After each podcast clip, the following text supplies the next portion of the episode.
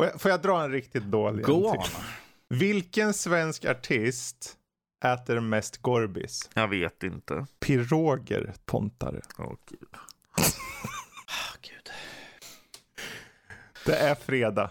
Det är fredag. Det är banne med det.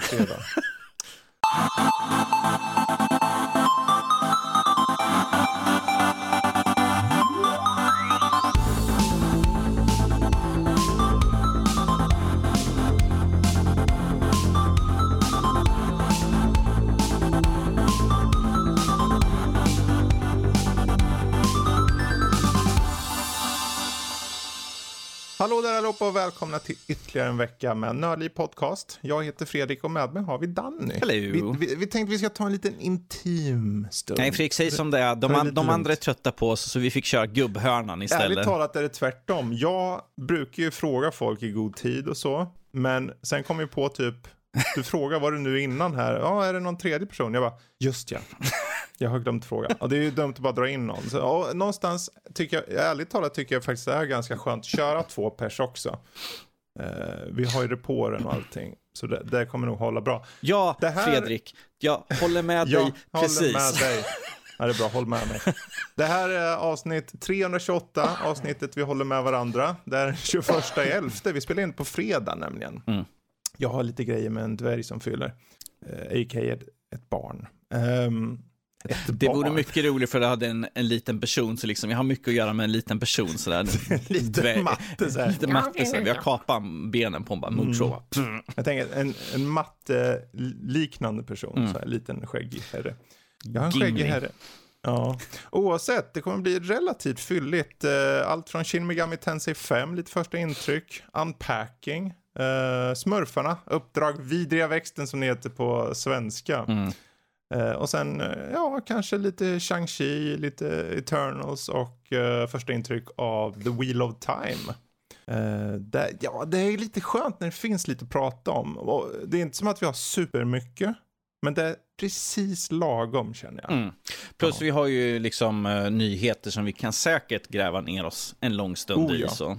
Det är lite så, det är lite så. Och jag tänkte, bra att du sa det, för vi hoppar direkt till nyheterna för veckan då. Ja. Så, eh, så börjar vi med en av de större sakerna angående just Activision då. Det har ju varit länge och väl det här snacket om Activision och Bobby Kotick har försökt skriva så här. Eh, pressmeddelande om att ja men vi tänker på ditten och datten. Nu har det ju visat sig att det finns mycket fler alleg- vad heter det, allegations.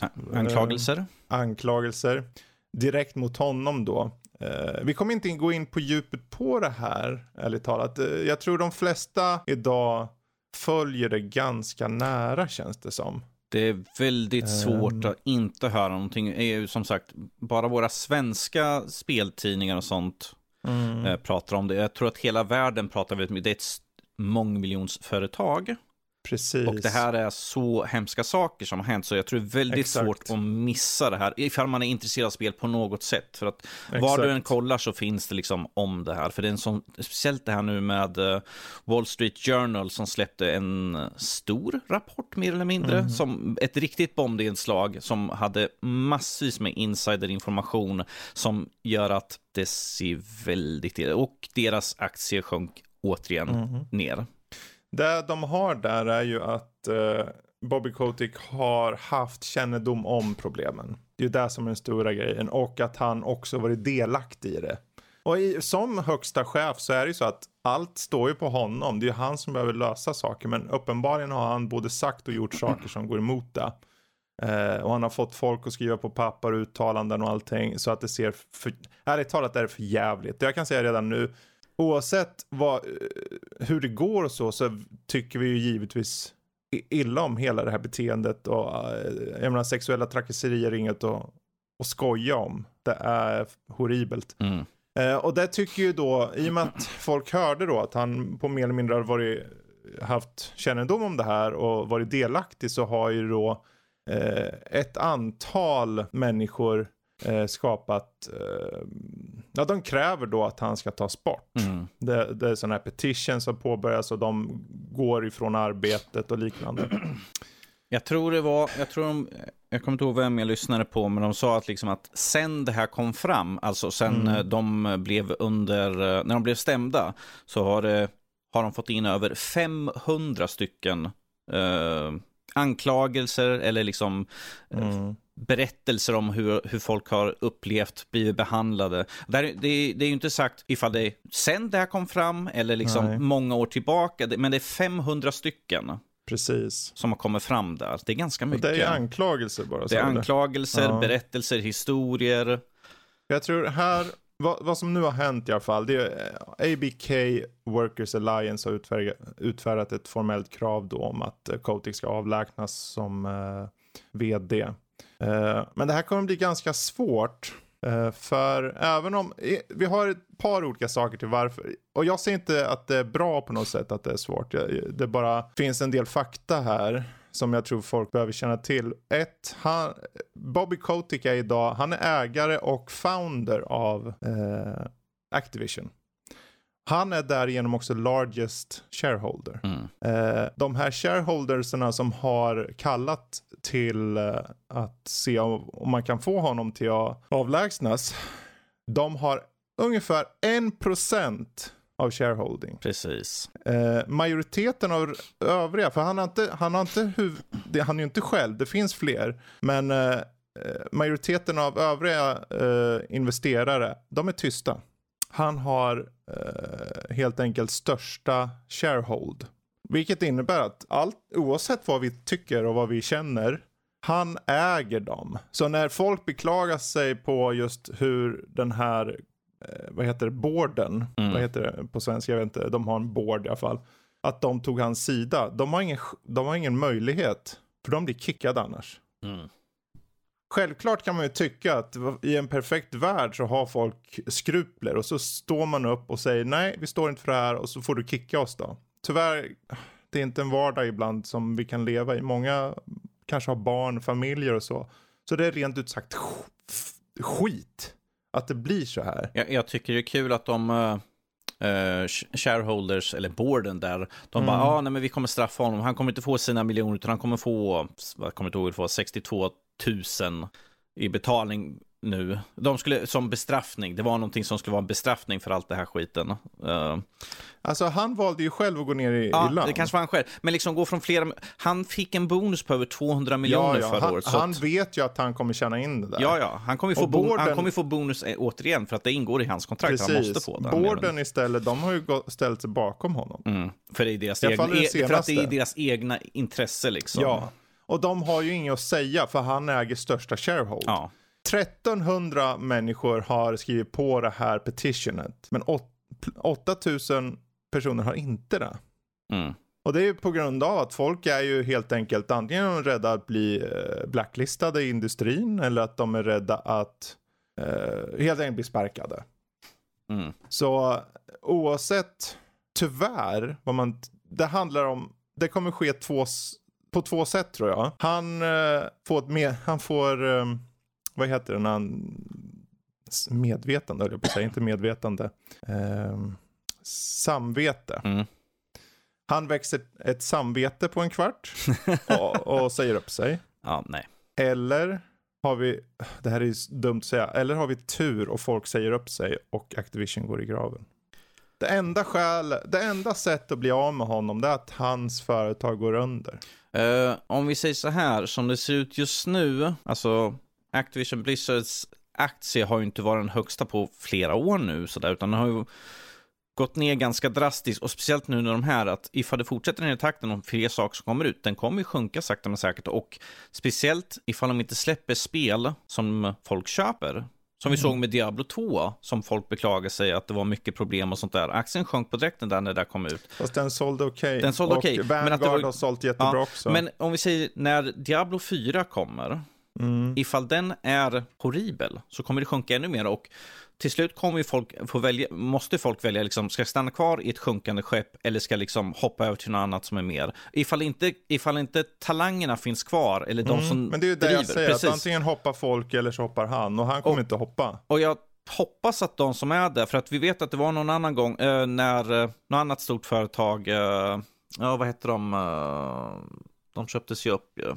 De som ägde Dark, uh, THQ. till THQ. Det var ju så många som fick eh, förlorade jobben där, men att de andra stora företagen tog in dem. För de visste att det fanns talang där. Jag hoppas liksom när de, Precis. när de folk som slutar här nu, att de andra plockar upp dem, för de vet att det finns talang Det tar ju emot för mig här på många sätt. Och det, inte på grund av honom, absolut inte. Om det var upp till mig skulle han bli kickad ut och eh, han skulle ha in olja och, i olja och fjädrar och allt vad det heter. Det är för snällt. Eh, men han, är, han har störst sharehold. Mm. Och det krävs, för om det är 8000 personer som saknar göra petition, så borden står på hans sida, så är det egentligen bara en väg ut och det är att företag går under känner jag. Det är lite extremt. Vad innebär att företag går under? Det innebär att alla IP som tillhör Activision Blizzard, de håller sig kvar där. Och det tar ju lång tid för saker och ting att säljas ut och sen gå vidare till någon och de måste börja om. Jag ser fram emot Diablo 4, men om det går under så jag kan leva med att det inte kommer. Ja. Faktiskt. Om vi säger så här, som vi såg med THQ, det är för stora, stora titlar. Någon kommer köpa upp dem, för att de vet Mm. att namnet säljer. Namnet säljer, men det är just det där tiden. Om vi det nu tar x antal år innan fyran kommer Pro- och sen ska någon jag- jag- köpa upp och sen Ja. så ska det liksom påbörjas en ny utveckling. För, för om vi ska se krasst, liksom att stigman ligger hos namnet Activision. Det är inte liksom Diablo som är den dåliga saken, utan det är liksom företaget. Precis som de arbetande, det är inte deras fel. Det är inte dem man ska liksom skylla på. Liksom. Det är liksom ledningen och i slutändan Bobby Kotick.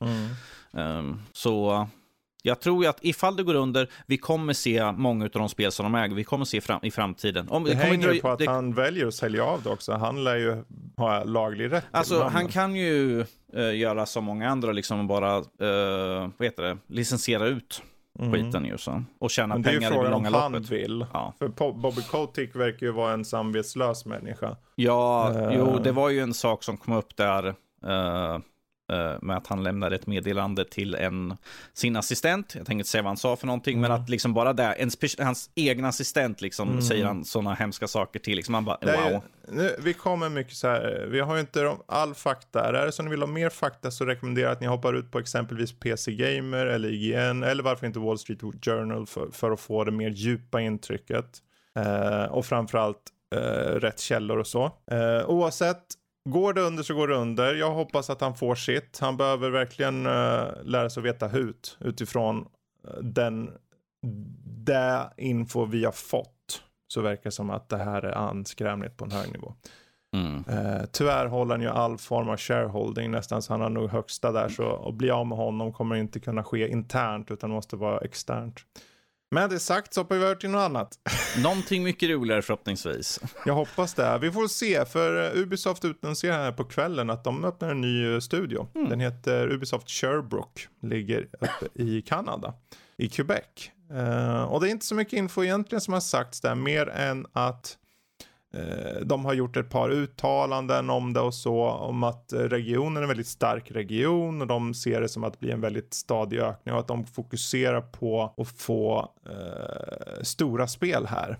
Um, som de säger, jag, jag gör en quote här då. Uh, We believe that this fourth video game studio in Sherbrooke will make a great impact and reinforce the predominant role of the eastern townships in the sector. This technological pole in this region has become over the years a veritable hotbed of talent in many areas of high-tech expertise och så vidare. Eh, och här kommer de då, eh, som det ser ut, eh, faktiskt köra, jag, co-develop some of group's main fran- franchises and will contribute to the, the development of the most recent innovations in the fields of entertainment and technology.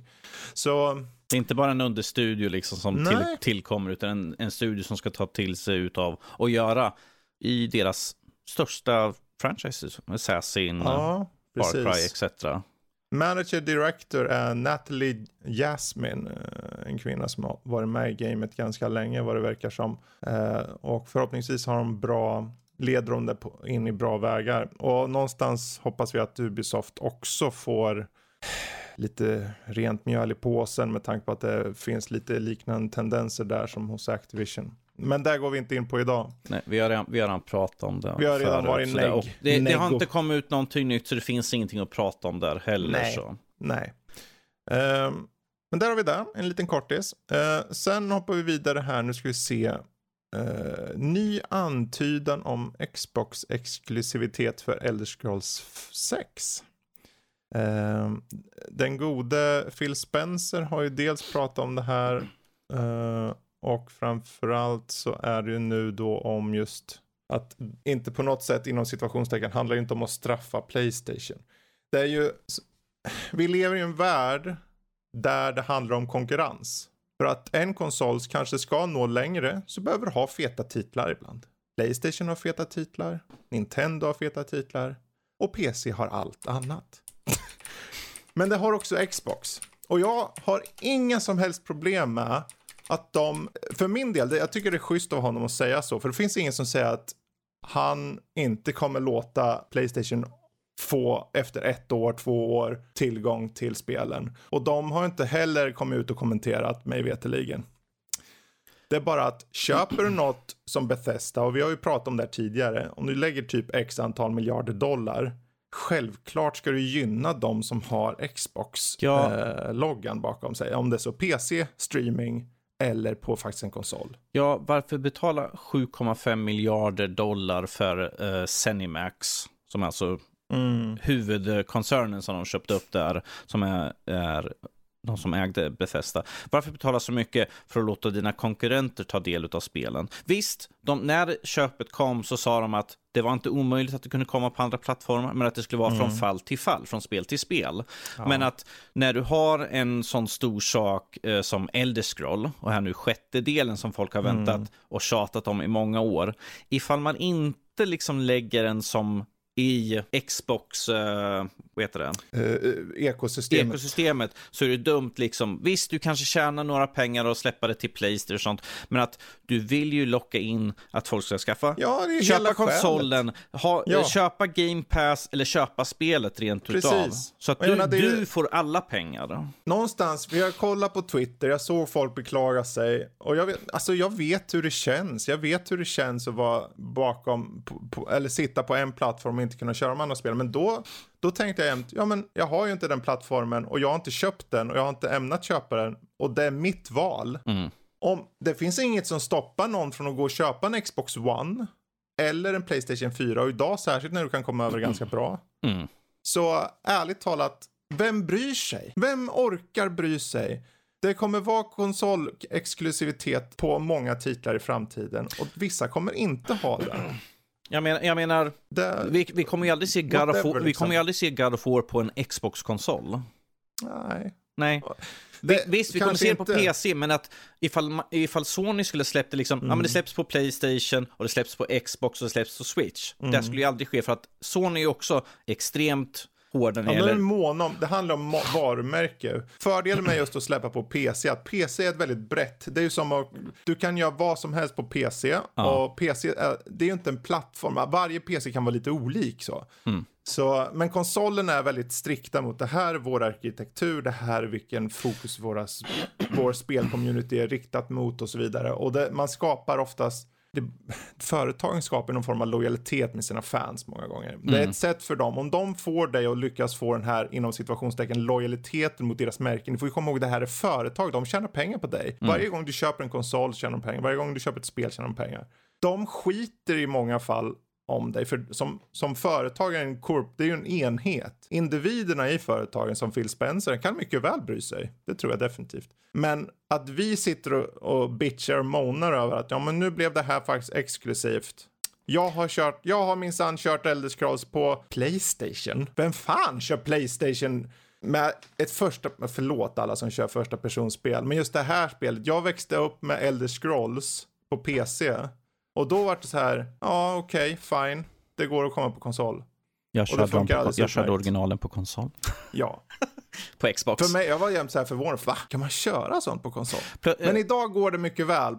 Idag är, jag vet mycket väl att det funkar alldeles utmärkt. Ja. Poängen är i alla fall att det, för mig spelar det egentligen ingen roll alls. Jag är så här, jaha, så det blir exklusivt, okej. Okay. Jaha, så det inte blir exklusivt, okej. Okay. Jag är så här, varken eller, det spelar ingen roll känner jag. Jag vet inte varför man hakar upp sig på det här. Och jag, jag, tycker det, jag tycker det är roligt också att det kommer ju som sagt till PC. Mm. Men det kommer ju inte bara släppas till då Microsoft Store. För vi vet att Halo Infinite släpps ju på Steam till exempel. Ja, visst. Och det, Elder Scrolls kommer troligtvis också, för att det är den största PC-marknaden, så att det kommer ju Ja, släppas ja. på Steam. Så att ifall man är den här, liksom, jag vill inte ge Microsoft direkt pengar, jag ger direkt till Steam, fast det kommer fortfarande hamna i Microsoft-fickan till slut. Det Men är det, jag tänker, för de här som att jag vill ha mina kompisar, ja, de, de andra kör inte på, mm, använder inte Microsoft och sånt, så Ja, ifall man vill ha den biten också. men det är ju det du har ju alla de här olika klienterna och alla plattformar har ju si, du har ju dina kompisar där. Om Mm. du väljer att ha dem där. Om du väljer att köpa en bärbar dator och kö, köra Steam, då är det där bjuder in kompisar. Det är helt upp till dig som användare. Företagen måste gå efter vad, tyvärr, gynnar dem. Det är ju inte alltid samma sak som gynnar oss. För om du frågar vem som helst, då, ja men jag vill ha allting på allt. Och sen säger nästa person, jag vill bara ha Playstation-spel på Playstation. Det får inte vara Playstation-spel på eh, PC. Jag, jag, jag tycker det är så intressant att folk nu beklagar sig på, ja men exklusivitet, det var, nu tänker jag låta gammal, men det var värre förr. För då var det liksom, spelen, spelen som släpptes till Playstation eller Xbox släpptes bara på Xbox eller Playstation. Nu Ja. har vi att vi kan få dem på PC fortfarande. Precis. Båda, båda eh, koncernerna släpper på PC också, så att det finns ett tredje alternativ. Ja. Så det finns ett, en, liksom ett mellan, mellanregister där liksom för dig. För du, kan, du kan troligtvis ta, ha en skruttig dator och fortfarande köra spelet, för det kommer ju säkert vara optimerat. Så att det finns, nästan alla har en PC. Oberoende av hur bra eller dålig den är. Så att bråka om liksom, ah, det är exklusivt för Microsoft.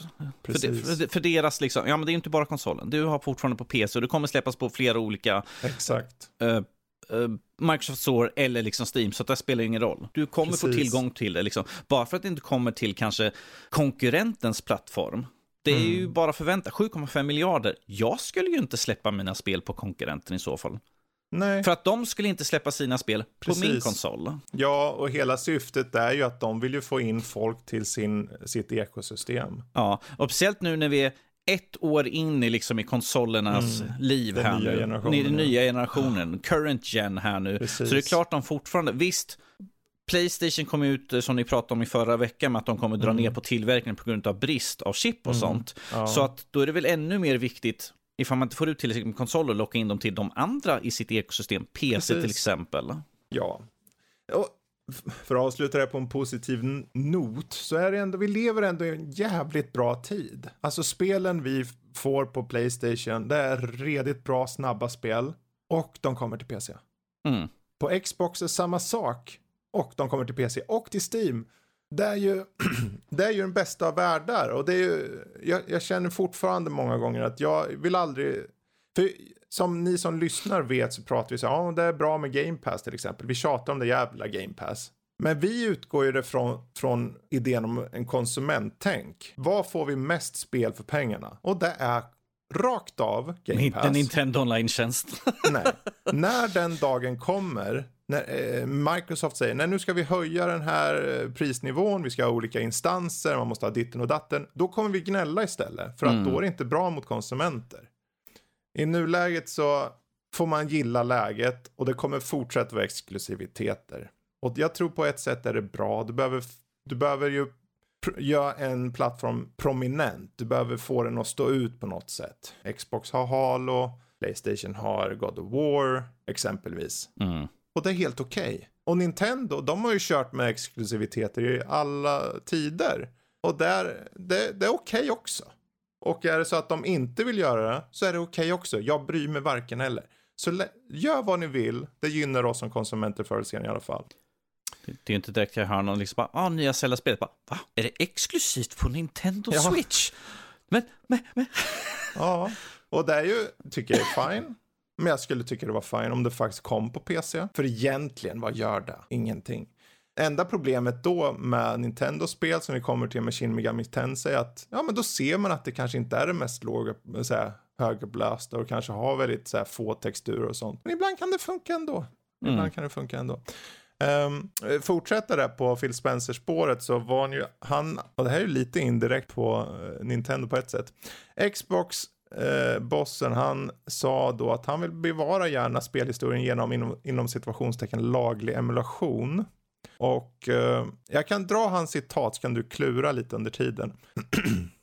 Han sa nämligen följande.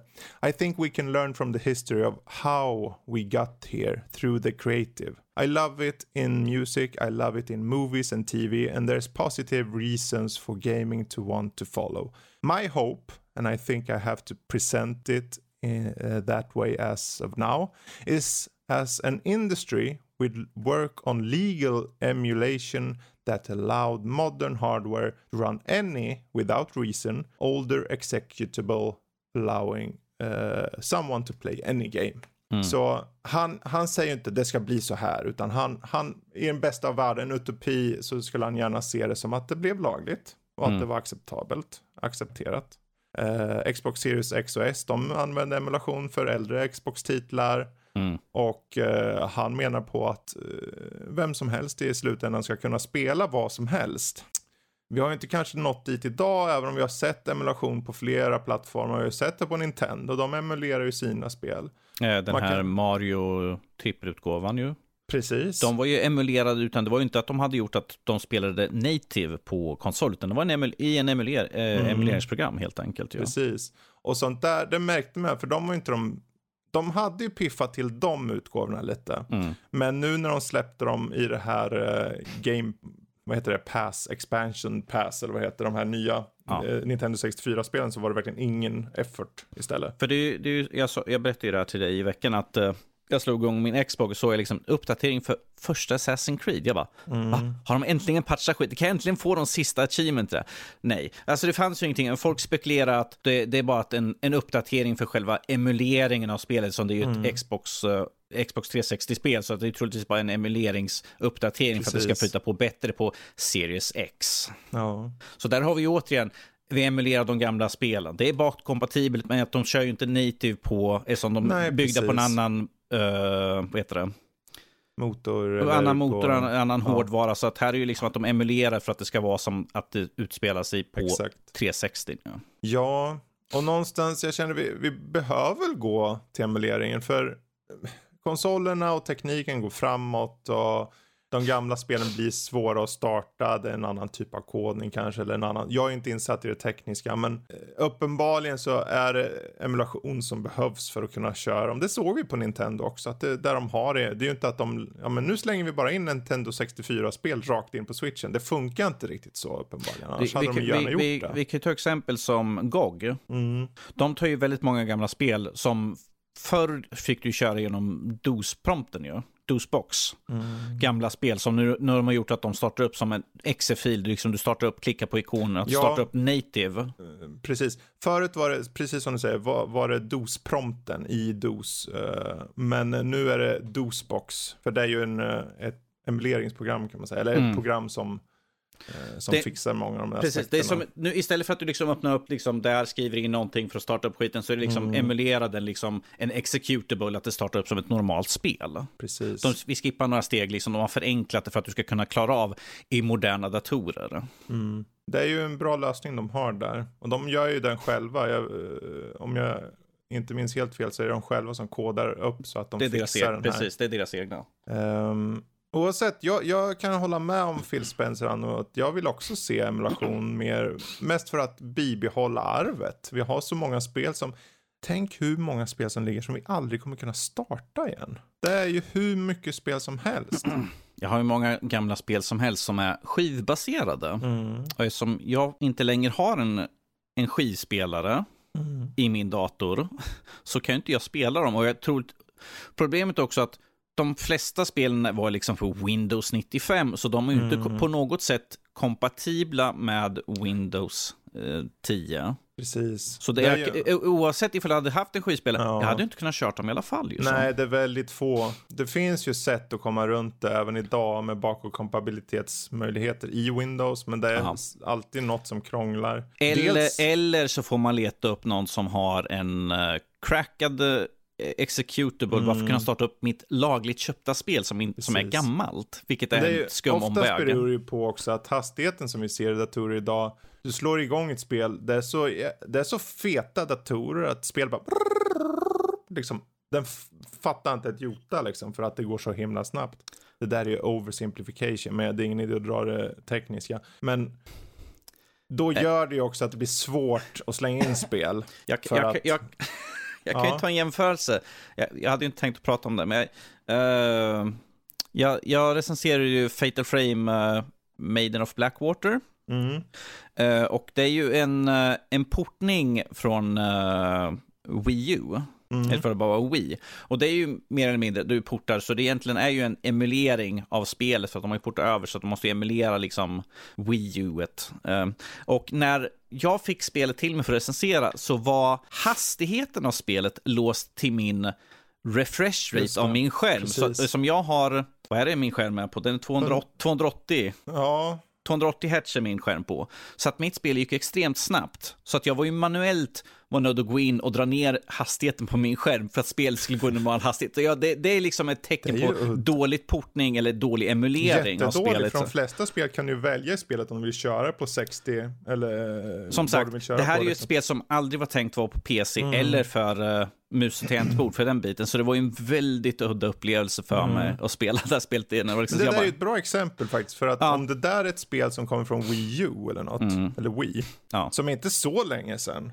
Nej. Tänk dig då ett DOS-spel från eh, mitten av 90-talet. ja. Ja. Oavsett, vi hoppas att em- emulering blir eh, mer och mer vanligt. Jag, jag har ju bara en sak som jag vill säga om det här och det här är ju det jag håller med om att inte bara för att liksom du ska kunna ha tillgång men att det här är liksom våran spelhistorik. ja, bevaring- det är precis, som jag precis. förut där. Precis, det är väl, jag tycker det är väldigt viktigt för att se liksom vad vi har fått, vad som har liksom lett Mm. fram, som vi brukar prata om eh, det som eh, blev senare Du 6, alltså det som var föregångaren, vad heter det? Eh, Sys- System Shock. ja, För att se liksom, ha liksom System Shock och så kunna se liksom vägen som det, det arvet har liksom gått till de spelen vi har idag, liksom bara en sån sak. Så jag tycker det är väldigt viktigt att kunna ha kvar och att alla ska kunna ha tillgång. Mm. Ifall, eh, om till exempel för uh, spelutvecklare, som Jesper till exempel, eh, som utbildar sig till spelutvecklare. Liksom att han ska kunna gå in på något bibliotek där och bara kunna kolla gamla spel. Och ta lärdom om det här var för, det här kan jag se liksom Precis. utvecklingen och lära sig av det som vi har haft. exakt. Ja, eh, kan även hoppa in lite snabbt här på, för att egentligen kom det uttalandet i samband med till viss del eh, utannonseringen om de 76 bakåtkompatibla, inom situationstecken, nya spel som släpps till Xbox. Och det är alltså gamla klassiker då. Eh, från första Xbox, men även Xbox 360. Eh, enligt eh, Microsoft är det här sista mängden eh, bakåtkompatibla spel som kommer släppas. Förvisso har de sagt det en gång innan, eh, när de släppte sist, 2019, men för vem vet, kanske kommer igen. Eh, det var en redig mängd i alla fall, spel. Ehm, var det. Det var eh, allt från Fear-serien till Mortal Kombat 9, Max Payne 3, eh, Ridge Racer 6, Resident Evil Operation Raccoon City, ja för den. Okej, Varför tar de med det spelet? Det var ju märkligt. Uh, jättemärkligt val. Ehm, och sen massa gamla Xbox, original Xbox-spel. Secret Weapons Over Normandy kommer jag ihåg. Star, ja, Star Wars Episod, uh, får säga Jedi Knight 2, Jedi Outcast där ja. Oh, sweet. Nu kan jag leta upp mina Eh. gamla Max Payne och pluppa in i Xboxen. Mm. Time Splitters 2 där. Ja. Jag, tycker, jag tycker det är kul, liksom, vi får ju Red Dead Revolver ju. Mm, originalet. Originalet där. Precis, men det, det kom i alla fall en redig lista på 76 spel som nu är den sista hopen av spel som verkar komma. Och det är väl, det är nice. Ehm, slut, eller inte helt slutligen, men vi, ska, vi har ju fått nu alla nomineringar till The Game Awards för 2021. Eh, det här som Jeff Keely styr där den, var det den 9 december tror jag. Eh, och jag tänkte om vi skulle ta en liten stund bara och kolla på vad vi tycker om de här nomineringarna. Nu är det ju så att det bör ju tilläggas att det här Game Awards, det är ju inte någon, det är inte någon bransch eh, award-grej, utan det Det är- här är ju det mer eller mindre, det det är- gemene man. Och, Precis, det är ju en inofficiell officiell så att säga. ju. Ja, så att oftast när det är sånt här, nu, jag tror själva nomineringarna är jag osäker på, det måste ju de själva ha tagit fram. Mm. Eh, och vissa fall så tänker jag, okej, men det här ser okej ut. Och i vissa fall är jag lite så här, hmm. Men om vi börjar med att kolla på några av de här. Det finns ju, en, det finns ju asmånga, så jag tänker vi kommer inte gå igenom alla. Men några av dem, och sen få våra lite spontana intryck. Uh, Game of the Year först då. Deras Game of the Year, som de har uh, här, är följande spel som är nominerade. Deathloop, It takes two, Metroid Dread, Psychonauts 2, Ratchet and Clank Rift Apart och Resident Evil Village. Jag tycker det är kul för jag har recenserat uh, 90% av de spelen. Medan du har gjort de andra spelen. Är det så? Gjorde du It takes two? Jag Ja, att du gjorde det gjorde Takes- Och Metroid Dread gjorde du Ja, också. just och det. jag, Deathloop, uh, Psychonauts och Ratchet Clank och Resident Evil gjorde jag. Ja. Så att vi har ju här, alltså vi kan ju säga redan här på förhand att det här är ju väldigt bra spel. Så att eh, det är ju helt klart att de skulle ligga här egentligen. Mm. Men det, som sagt, året är inte slut. Det finns väldigt många andra intressanta spel som, eh, alltså väldigt många Ja. sådana här små sköna diamanter som har kommit De, fram under de året. kör ju i regel december till december. Mm. Så att eh, Cyberpunk kommer säkert vara med längre ner också. Um, där jag är lite så här, jag hade gärna sett Forza med på Game of the Year. Som en nominering i alla fall. Mm. Eh, för det är nog den, när det bara- är en, det är bara en fullträff. Det är bara en fullträff. Och jag tror, eh, inte för att de här spelen är på något sätt är dåliga, tvärtom, det är jättebra spel. Mm. Um, jag kan tycka Resident Evil Village kanske skulle bort därifrån. Men ehm, Det, är ett, det är ett stort spel i en stor serie, så det, det, kanske det är det därför väger lite den är med tror jag. Mm. Eh, jag tror bara, det är en fråga om att en majoritet tycker om det är ett roligt spel. Inte som att det är årets bästa, för jag menar, det är varulvar hit och det är ditten och datten. Jag tyckte det var lite spretigt spel. Men jag Jag kan jag vet att du definitivt vet. förstå att den är med. Mm. Eh, och jag tror jag samtidigt förstår varför Forza inte är med. Det är ju nischat. Det är ju ett open world bilspel Mm. med arkad. Plus, inte som att vem som helst att, gillar plus att det är precis släppt också ju som... Ja, men det är släppt inom val- intervallet för att Mm. kunna vara med. För det är med Ja. längre ner. Okej. Okay. Ehm, men här har de här, fan, det är en tuff lista. Eh, även om jag inte har kört så mycket Deathloop dock. Ja. Eh, jag har kört, jag har inte kört så mycket Psychonauts 2 heller faktiskt nu när jag tänker efter. Jag körde till när de kom till deras bas. Mm, du har klarat av eh, prologen, Ja, mer eller mindre. och då, ja, Det är bara, Fredrik, det är bara prologen du har kört där. faro. Jag vet inte om jag orkar köra mer då.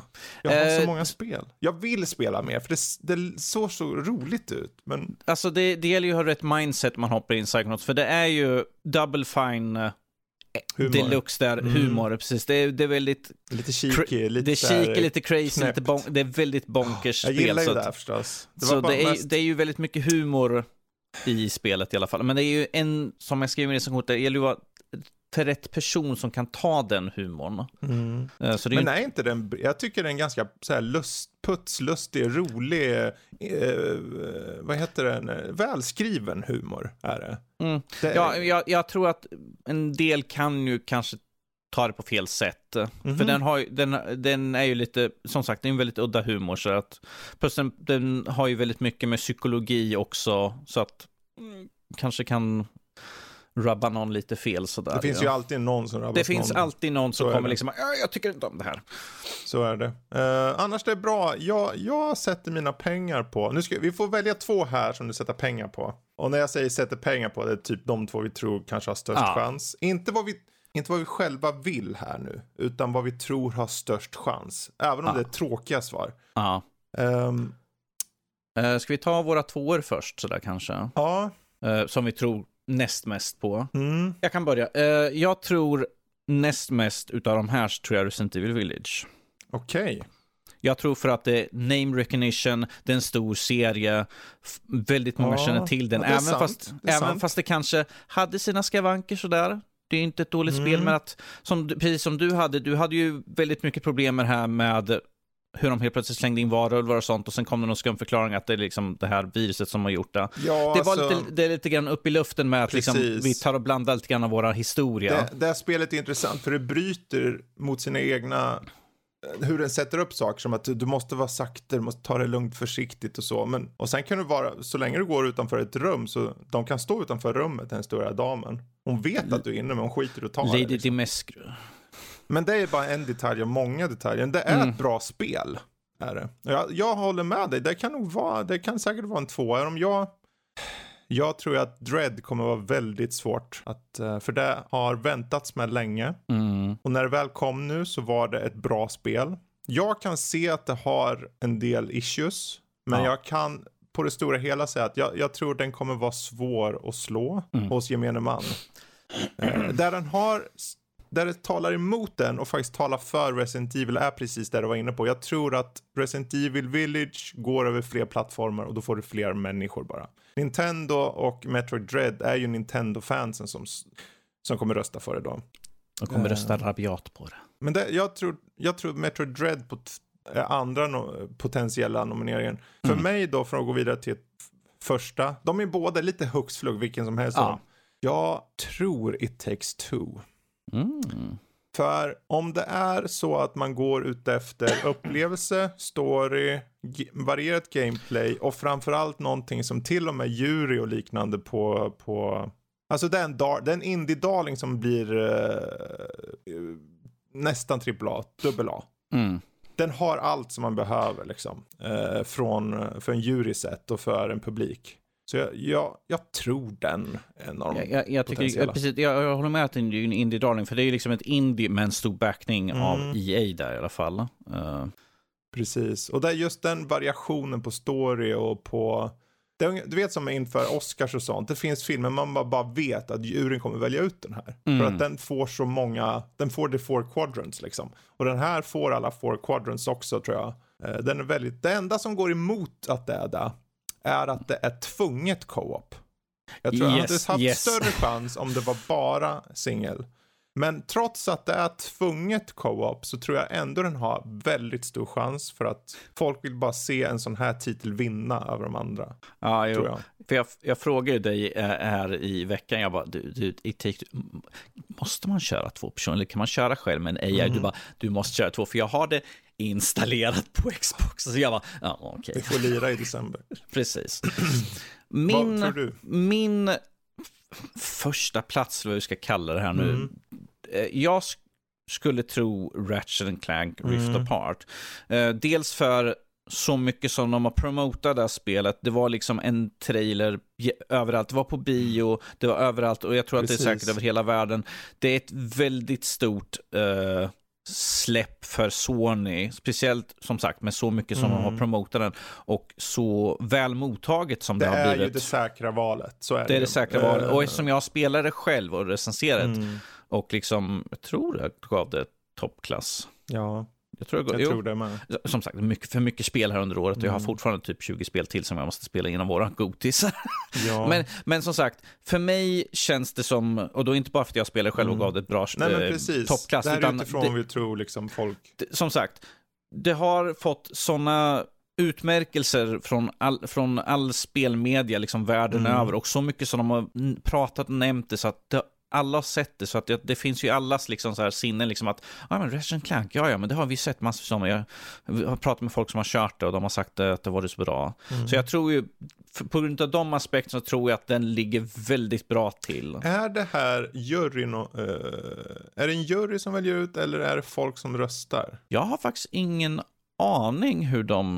För jag vet ju att man kan rösta. ehm, Men jag vet inte om det har någon... Nej, eh, nej, eh, det finns, nej, det är en jury, för jag tror att det finns publikens val. För, det var, eh, för, att, för när, eh, inte It takes two, The Last of Us 2 vann Mm. ju Game of the Year, men att, vad var det andra spelet som alla ville skulle vinna? Det som publiken röstade på, Eh, när då? eh, när, förra året.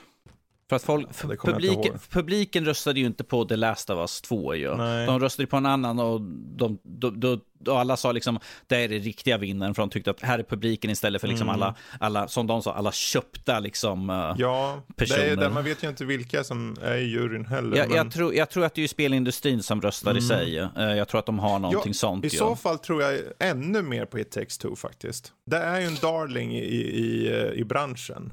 För Mm. Ratchet and Clank, där är det säkra valet, det har hög produktion och så. Men det är ju samtidigt bara på PS5. Eller är det PS4 också? Det är bara PS5 va? Det är bara PS5. Det är Eh, de det, är väldigt, det är ju inte så många som har fått vara med om spelet. Jury kan det, men det tillför ju inget nytt i sin spelserie. Tvärtom, det är så radikalt konservativt att jag tänker Nej, att bara en, PS5. jag tänker att en, om det är en jury som består av utvecklare och sånt, vem gör mest för spelmediumet? Mm. It takes two. Metroid Dread, det är Metroid på alla goda sätt och vis. Fast det är ju på, det är Metroid igen. Deathloop Deathloop gör en del riktigt intressanta saker. Tyvärr har det inte gått så bra för spelet. Jag tror det hämmar det. Det är lite Mm. för, lite undanskymt så. Uh, Psychonauts 2 gör också en del, men det är lite för nischat. Och du var inne på rätt saker där med att det kanske är en fråga om humor och det är en specifik stil. Det, som, som sagt, det är ju, det är ju en, en... Historiskt sett har det varit en väldigt liten högljudd skara som har Mm. tjatat efter den här uppföljaren. Så det är inte liksom majoriteten av Precis. eh, alla spelare ut som har skrikit efter spelet. Men att det kom Hade, nu. hade det här varit en fråga om konsumenter, alltså spelare, då tror jag Ja. Ratchet Clank också. Mm. Rakt av. Eh, men om det är industrin som röstar så tror jag It takes two och Metroid Dread. Metroid Dread är för djupt in i nerven av varje gamer tror jag. Metroid. Det finns för många där. Resident Evil har samma potential där. Den kan nog få folk bara ren så här eh, rygg, eh, vad heter det? Ryggradskänsla Ja. liksom. Resident Evil. Resident Evil. Precis. Uh, Ratchet Clank har inte varit samma dag, men det, ja, det där blir jätteintressant. Oavsett är ju alla de där riktigt bra faktiskt. Eh, Jag, jag, om vi ska hoppa vidare till en annan, bara för att ta, vi kan ta Mm. en till. Och då Ja. tänkte jag, bara för intresse, för att, här var liksom Game of the Year, ska vi ta Best Indies. Ja, just det. Vad har vi där då?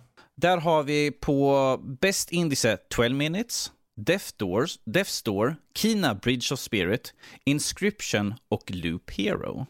Och här har vi 12 Minutes har vi sett väldigt mycket av eh, från Annapurna Interactive där. Det visade upp väldigt mycket, det var ju mycket i somras och allt sånt där. Eh, Death Store såg vi också över. Kina Bridge, of Spir- eh, Bridge of Spirits har ju båda kört sådär. Och sen har vi Inscription och Loop Hero. Och eh, Ja, den där är ju lite svår, men jag tror ju att det kommer antingen gå till Kina eller Death Store. Yes. Så är det. Tw- 12 minutes kanske som en, en tredje plats 12 där i så minutes fall. fick ju väldigt mycket skit också. Mm.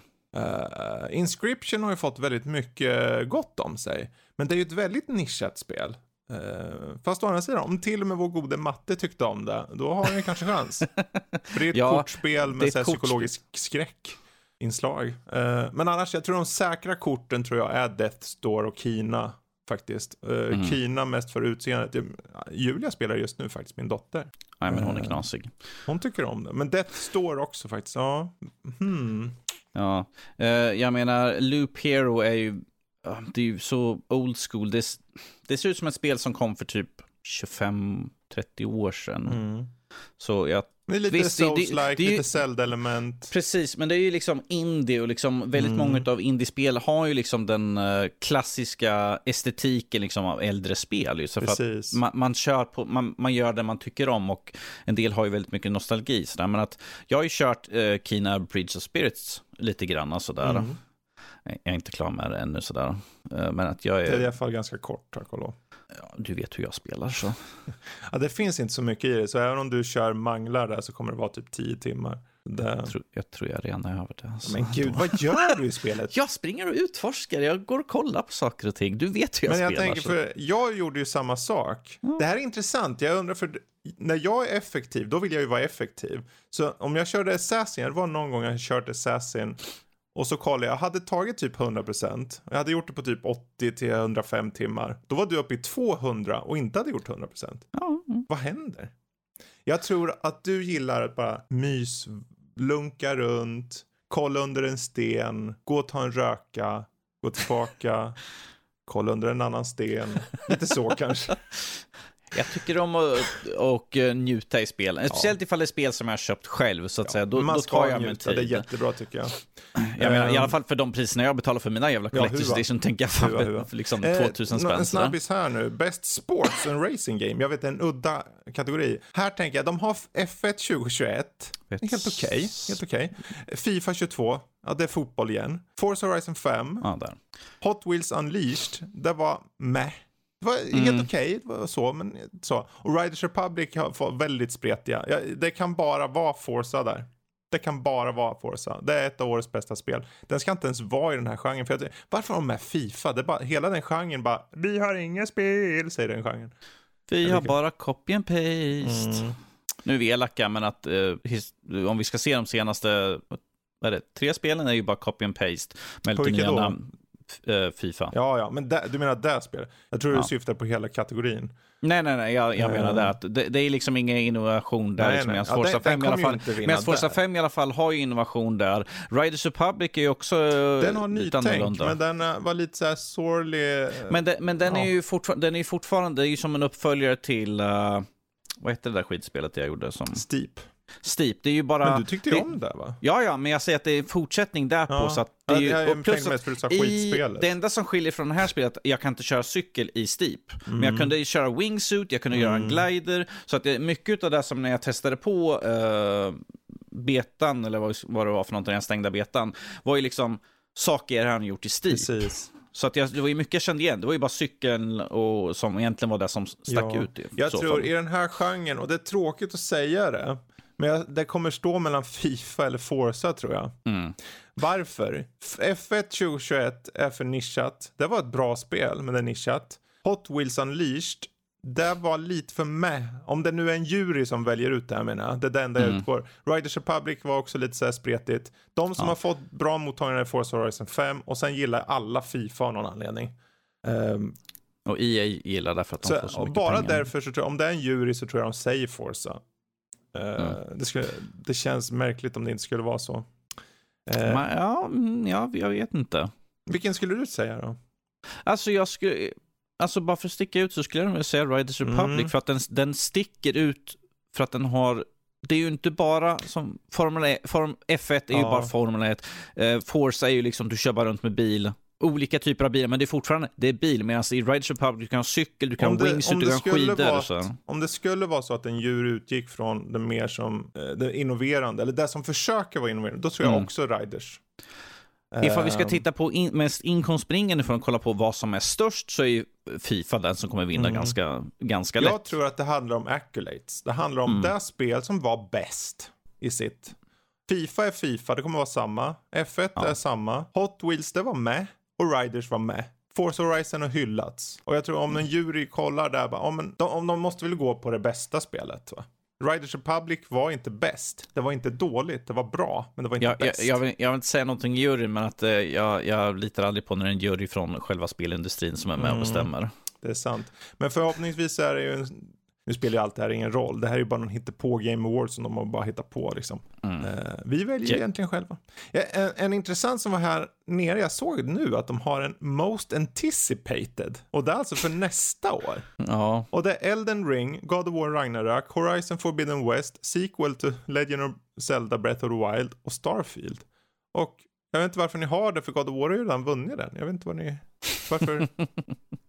vet, var, varför har ni den där? Det är, bara om, det är bara, ha, ha bara God of War på varje rad och sen är det klart. Så. well, du vet, vi måste ju promota storspelen som Ja. komma skall. Ju, sådär. Det är ju som sagt, det är ju ett väldigt PR-jippo det här egentligen. För att Mm. emellan varje sak som får ett pris eller någonting, trailer, så är det liksom att de pratar om något spel eller någon kommer upp och pratar lite grann om deras kommande saker. Så. Alla de här är ju väldigt anticipated.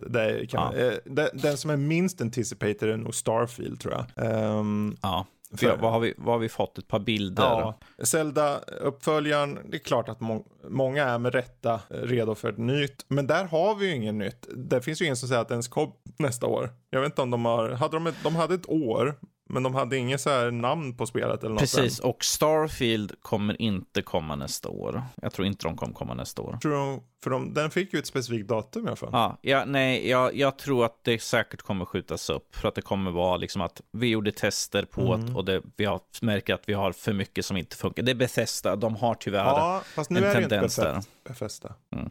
Det är ju Xbox Mm. som äger det. Jo, Och jo, jag men tänker, det... de, de, om de ger ut ett datum, visst, det har ju mycket väl skett. Jag menar, Halo sköts ju upp. Men jag tror, om, om de säger så långt i förväg, tror du inte de är säkra då? Eller mer säkra i alla fall. Nej, jag tror att de säger ett datum och de tänk, som de kör den här att jag hoppas vi är klara tills dess. Det är det är ju bara en, Ja, en förhoppning en- att när de säger. De har ju en koncern som är värd miljarder här. Tror du de bara höftar? De har ju människor som arbetar med. Jag tror ju definitivt inte de höftar ett datum. Jag tror att de problemet är att det, tror problemet är att det är funka. Bethesda, även ifall de li, Mm. ligger under Microsoft just nu som har massor med pengar, massor med stöd, så tror jag att, som de har tyvärr visat tidigare, att de sätter ett Mm. datum, de släpper ett spel, som är en buggig En buggfest. buggfest helt enkelt.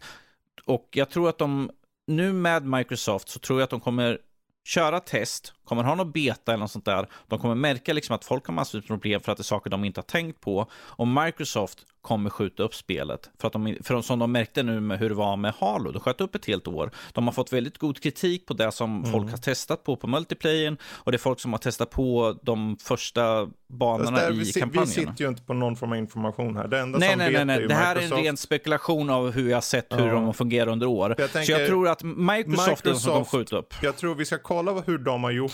Om de har valt att f- själva sagt vi flyttar på Halo. Och de, då vet de läget. Mm. Eller hur? Om de inte vet läget om ett spel som de utannonserar ett år fram. Det vore jättekonstigt. De om några har full koll på det här. Om det sen skjuts upp, då tror jag snarare antingen så har Bethesda missat att visa exakt hur illa det är. Som du var Mm. inne på. Eller så är det helt enkelt att året kommer vara så fullsmockat med spel. Så att att, de kommer skjuta på det bara för att inte liksom... för att inte krocka med något annat. Och jag tror hela den här våren som kommer nu kommer vara ett issue för folk. För att det kommer storspel på storspel. Eh, oavsett, God of War vinner ju där. För det är mest anticipated. Nej, det behöver det inte vara. Elden Ring är jätteanticipated och Zelda såklart. Mm. Ehm, bra, jag vet inte, är det någon mer av de här som är värd att ta upp eller? Alltså, Best Det- jag- jag- performance? alltså, bara för att jag tycker att för att få in fler spelare, eh, den som precis eh, är under den som vi pratar om, eh, Innovation in Accessibility. Alltså, Ja, Microsoft har ju den här nya handkontrollen som gjorde. Jag tycker det är liksom ett gott tecken att vi kan se att folk som har kanske de har problem, Mm. handikapp och sånt där, att även de kan få ta del. Istället för att bara sitta vid sidan och titta på spel. Precis. Så tycker jag det är kul, liksom, vi får massvis med nya hjälpmedel. Vi ser dem i spel med liksom Mm. eh, för synskadade, med liksom, men, eh, som till exempel när du startade upp Far Cry 6 första gången, det var liksom tal på menyerna fr- från start. precis. Samma, Bara för sak, ifall du samma sak i Forza också. Ja, precis. Så jag tycker det är skönt att vi ser att det kommer så att mer kan få avnjuta, även om kanske synskadade, har handikapp, kanske saknar en arm eller något sånt där. Att även, även folk som kanske inte kan spela som, som en annan med handkontroll, händerna på en handkontroll, att alla kan ta del och njuta av det som är spel. Precis. Liksom, den, en av de största liksom, hobbysarna och liksom, sätten för att kunna slappna av och avnjuta. Absolut, och jag tror att bara att den här kategorin finns med är bra. Och det är ett tecken på hur industrin faktiskt eh, utvecklar sig. Mm. Eh, det är inte, jag bryr mig inte vem som vinner här. Det enda som jag tänker är bra det är att den finns och att vi uppmärksammar och att i och med att det, det uppmärksammas så får vi ut ordet om att det är helt okej att försöka och anpassa spelen så att det kanske i förlängningen leder fler stora utvecklare till att försöka få med det i sina framtida spel. Precis. Så s- sätt det under luppen och låt andra göra det också. Bra, eh, då så. Jag tänker vi hoppar vidare. Mm. Eh, en sista då, det var ju Spiderman-trailern kom ju ut, No Way Home. Precis. Eh, en sista officiell trailer och eh, jag vill se den här filmen. jag tycker det ser roligt ut och de för in Doc och eh, du har ju Sandman och du har eh, Willem Dafoe. Ja, Jamie Fox som eh, Electro eller vad han hette. Mm. Eh, det, är ju, det här är en officiell official trailer då, så det är den stora trailern. Med stort S. Och den, eh, den säger inte så mycket mer nytt mer än att den visar lite på uh, bad guysen. Sen att bad guysen är en scen, du har Spiderman som hoppar mot tre karaktärer när man nästan tydligt tänker, ja men det är ju en karaktär var känns det som här. Ska, det, ska ni inte ha två Spidermans till i den här scenen man tror? Precis. Får man ju att tänka, Ja, det, det, kommer jag, men, jag menar, det har ju ryktats om Andrew Garfield och uh, Tobey Maguire. Toby Maguire. Så, men att Andrew Garfield gick ju ganska nyligen ut och förnekade Han, återigen han att har han inte är förnekat i ett år. Han har förnekat det väldigt länge så att eh, jag skulle inte lita på eh, honom för fem öre på den nej, biten. nej, nej. För att han, har ju, han har ju gjort så många sådana här Spindelmannen-grejer när han liksom signerar en autograf sen drar, och liksom drar masken bara, ah, jag, jag ska tillbaka Mm. liksom sådär så. Och speciellt nu när vi har liksom multiverse och vi hade Precis. Spiderverse med flera karaktärer. Ja, ja, nej. Alltså, Så- det kommer vara med två Spidermans till i den här. Jag är bombsäker på det. Del, dels så är det ju för att vi har två olika universums. eh, Vi har Electro och vi har Lizard, heter han så? Yes. Eh, som är från Amazing Spider-Man. Det är Mm. de karaktärerna, till och med så. Och sen så har vi Willem Dafoe som eh, Goblin, eh, Green Goblin och vi har eh, Sandman, heter han va? Mm. Ehm, och de är ju från första uh, Spiderman-omgången. Eh, så jag tänker, det ty- tydligt, du behöver ju ha den inom situationstecken rätta Spiderman med. Så det, det, de är med, de är med alltså. Jag, det, sen, är, sen kan man ju tänka, fråga sig såklart, kommer de lyckas få ihop det här? Blir det en bra berättelse? Blir det för spretigt? Blir det för eh, att man inte vet vad de vill säga med, berätt- med filmen? Ja, det, det återstår att se. Ja, vi såg ju Rick sist när de hade så många eh, skurkar samtidigt. Vi hade och vi hade eh, Green Goblin den, den, den, ny- den nya filmen. Och vem var det mer som var med? Det var Sandman också där Ja. ja. Och det var ju liksom en, en salig röra liksom.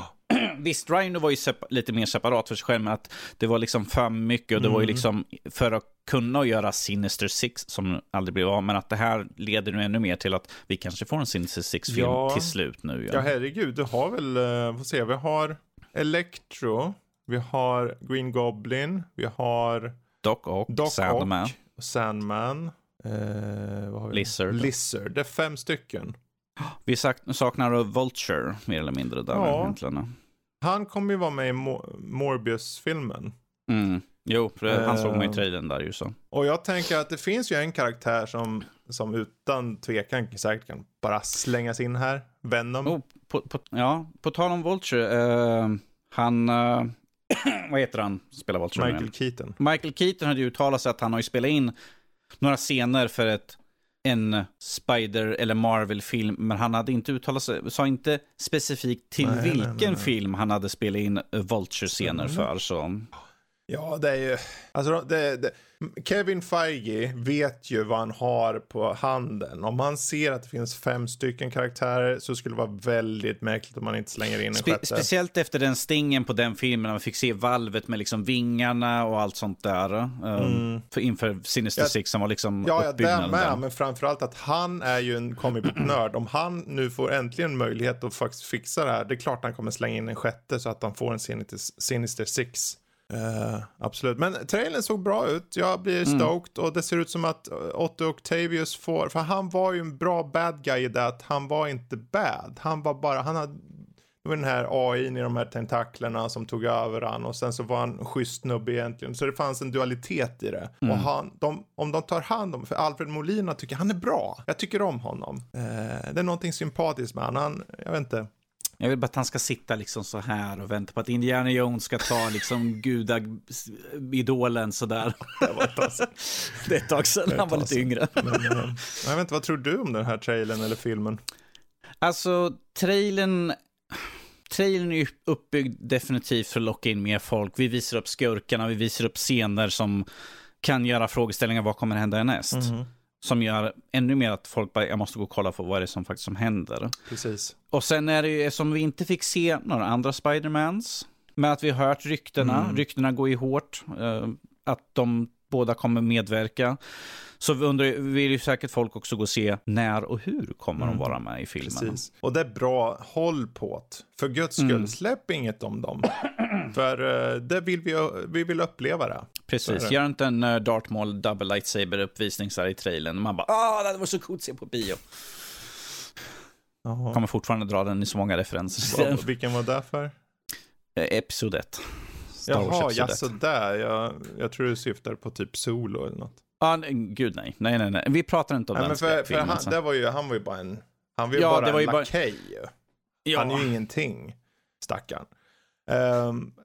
Nej, alltså jag, jag tror att, eh, eftersom det här är ju sista Marvel-filmen som kommer i år är det väl? ja, det. Spiderman. Mm. För, eh, för eh, Morbius kommer ju till våren Mm. väl? Så jag tror att folk kommer vara, speciellt efter Shang-Chi Mm. och Eternal som är de två senaste, Mm. så tror jag att folk vill ha någon, kanske något annorlunda. Och Spindelmannen är ju en, Jag tror de snarare vill ha något väldigt därifrån. konservativt. För Shang-Chi vågar göra något nytt. Och Eternals vågar göra något nytt. På bra och dåligt. Mm. Liksom på gott och ont. Medan Spiderman är ju, det är ju Spiderman. Det är ju, han kommer, thwippa runt och sen så kommer det vara bad guys. Han kommer ta ut dem och sen är det Doctor han, Strange han, kom, han, han kommer vadå? Thwip, thwippa ut. Whippa runt. Ja, skitsamma. Whippa runt. Eh, vi tar och slutar med nyheter. Vi har pratat en timme om nyheter bara. Eh, Ja, alltid kul att prata det lite är ju det, det är det. Men vad som också är nytt är alla de här sakerna vi har spelat själva och har eh, kanske upplevt. Och frågan är var vi ska börja någonstans. Är det något du vill höra om eller något du vill prata om först? Well, Fredrik, jag har ju ja, Jag vet redan vad du tycker, men jag tycker Mhm. det vore lite kul ifall du kunde berätta lite grann vad du tycker om Shin Megami Tensei 5. Det är kul att du säger att du redan vet vad jag tycker där. För jag har faktiskt ändrat mig lite. Ja, du har redan berättat lite smått, liksom att du har haft lite en, en, en liten disturbance in the force. Men att eh, det blir Ja. intressant att för, förklara, försöka förklara Alltså, liksom, för- ditt första intryck Jag har kört nu. över 20 timmar och jag kommer åt- till, till nya världar och allt vad det heter. Eller nya. Du är en, åttondel, till- en åttondel in i spelet. Ja, ungefär. Om man slår upp i den engelska ordboken på grind. Eller om man slår över i en översättningsbok så, så står det slipa, mala, finfördela, slita eller något sånt. Och det stämmer väldigt bra in på det här. För det är ett JRPG. Och det är en så här klassisk JRPG. Du går runt i en värld du träffar på fiender och sen är det turbaserade strider. Eh, här finns det dock en USP. I det här spelet så kan du träffa på fiender som är demoner i det här fallet. Jag ska komma till storyn lite kort strax. Mm. Eh, och sen när, kan du prata med dem och få med dem i ditt party. Och sen kan du även ta och, och fusea olika demoner. Så du kan få, okej jag har den här demonen och sen har jag den här. Om jag sätter samman dem så får jag den här andra som är kanske stark eller har attribut som jag känner. Om det här vore en bra tillägg till mitt party. Jag vill ha någon som är bra på att skjuta eld till exempel. Eller is och så vidare. Den biten är, den har faktiskt eleverat spelet mycket mer de senaste timmarna. Timmarna. Ja, det är ju ett långt spel det här. För redan liksom första kvarten i Shin Megami Tensei, då etableras det här upplägget ganska eh, smidigt. Eh, du är i Tokyo, det är ett mängd mord som har begåtts runt om. Och en ung så här high school student liksom, han, han vill ta sig hem oskinnad då, så han går med någon kompis, eh, eller ska slå följe med en kompis, man ska gå par om par. Eh, av något märkligt skäl så sker det något så här katastrofalt. Han går i någon tunnel och vips så vaknar han upp i en alternativ Tokyo. Eh, Postapokalyps Tokyo. Och det har gått typ 20 år, i alla fall sägs det där. Eh, sen världen gick under. Och eh, han eh, tänker, ja men det här var ju lite udda. Vart är hans kamrat han var med? Aha, just det, han är där upphållen i luften av någon ängel. Ängeln tar hans kompis och flyger iväg och därefter han strövar ut i vad som verkar vara en öken. Eh, och tänker, nu vet jag inte, han har sina så här studentkläder på. Du vet, de har ju så här same same kläder allihopa i internatkänslan. Eh, varpå stora demoner poppar fram och säger hej, vi ska äta upp dig, säger de. Uh-oh. Skulle inte du säga också uh-oh? Jo, det skulle jag. Uh-oh. Tack och lov behöver inte han säga så mycket mer, för just där och då flyger det ner en typ AI-karaktär, någon form av ängelliknande sak fast dator. Eh, Som en, han är, Nej. ja. Han i alla fall eh, säger hej på dig. Jag heter Aogami och jag vill hjälpa dig. Eh, Vad formellt ja, ja, sådär. Det här är lite parafrasering.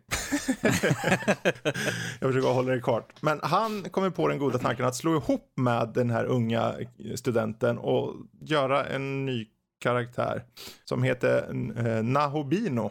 De blir tillsammans en ny karaktär. Typ. De har ansiktet av studenten, bara att den här datagubben är i hans huvud typ och kan prata med honom och ge honom lite så här powers och sånt. Mm. Och där är du då. Du är i ett postapokalyptiskt Tokyo som numera heter Da, vad heter det, Daat, såklart. Eh, I don't know. Och ska typ döda demoner, levla, eh, ta det och prata med demoner, få med dem i ett party för att sen ta det tillbaka hem och se vad som har hänt med den här världen. Det är ju, och det där är första kvarten typ. Sen manglar du bara egentligen. Du manglar och manglar och manglar. För alla fiender har x antal HP, du ska försöka hitta rätt kombo och så här, ja men jag skjuter el på den här. Nej, han var tydligen, vad heter den, han, Immun. immun. Ja, då får jag byta. Man kan byta gubbar. Om du har ett gäng olika demoner i ditt stall eller vad man ska säga, då kan du byta mellan mid, liksom i striden. Demons, gotta catch them Ja. all. Du kan bara ha en av varje dock. I alla fall så långt jag har kört. Så det, om du träffar på en till sån som du redan har, då säger ah, jag ser att du redan har den, nu drar jag, säger en demon och sticker. Man bara okej. Okay. Låter, de låter de verkligen så? Ja, faktiskt. Ja, ah, nu har jag fått nog. Men just det här drivet i alla fall. Du bör, för att ta det vidare till de här slutbossarna. Ibland är slutbossarna bara, ah hej, den här, jag är farbror slutboss och jag har 7 miljarder i HP. Så det enda du kan göra är att du ska grinda skiten ur banan som du var på. Så gå tillbaka och grinda som en liten bäver i någon timme eller två eller 15. Och sen så går du tillbaka och bara mosar skiten ur den här för att gå vidare i storyn. Jag, jag, tyckte man kunde, man kunde se lite hintar där i två, tre, femton timmar för första bossen. Det, sådär. det är säkert, eh, tack och lov är det ju så att de striderna som du tar an, om du försöker att tänka liksom, okej, okay, hur tar jag mig an, an de här fienderna så kan du ta dem mycket tid än jag gjorde. Jag är lite ovan vid genren, så jag tror att är du, och definitivt om du är van med Shin Megami Tensei så kommer det här vara liksom, då har du ju redan köpt spelet, eller hur? Mm. Jag tänker, hela det här, vad jag tycker hittills om spelet, för alla er som älskar Shin Megami Tensei, gå och köp det. Ni kommer ju älska det oavsett. Ni kommer inte lyssna på vad jag säger i alla fall. Och det behöver ni inte, för gillar ni något då vet ni vad ni gillar. Menar, du skulle kunna lägga spelet på en öppen brasa och de skulle liksom, ja, de köpt en brasa. Mm. Men för mig är det så här, när jag tittar på det här utifrån någon som inte har kört den här spelserien så blir jag så här väldigt, den är lite högtravande. Skådespeleriet är icke befintligt sett till din huvudkaraktär, för han pratar ju inte. Han har bara text. Alla andra karaktärer har mestadels dialog, alltså talad. Men mm. ibland har de inte det. Det hör till.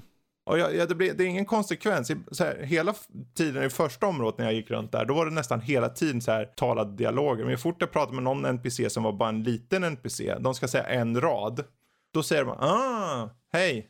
Och sen så är det massa text. Och då tänker ja, men Fredrik, men, det hör till genren. Men varför hade ni, varför, varför la ni så mycket resurser på allt det andra och inte på det här? Det kunde ju, Fredrik, typ en femma även, till. Även Tales of Arise hade så. Jag har inte ja. kommit till det än. Jag har inte startat mm. upp det, kört ordentligt. Nej, men även Tales of Arise hade du, liksom, du hade dialog liksom i stora huvudscenen sen var det liksom text. Ja.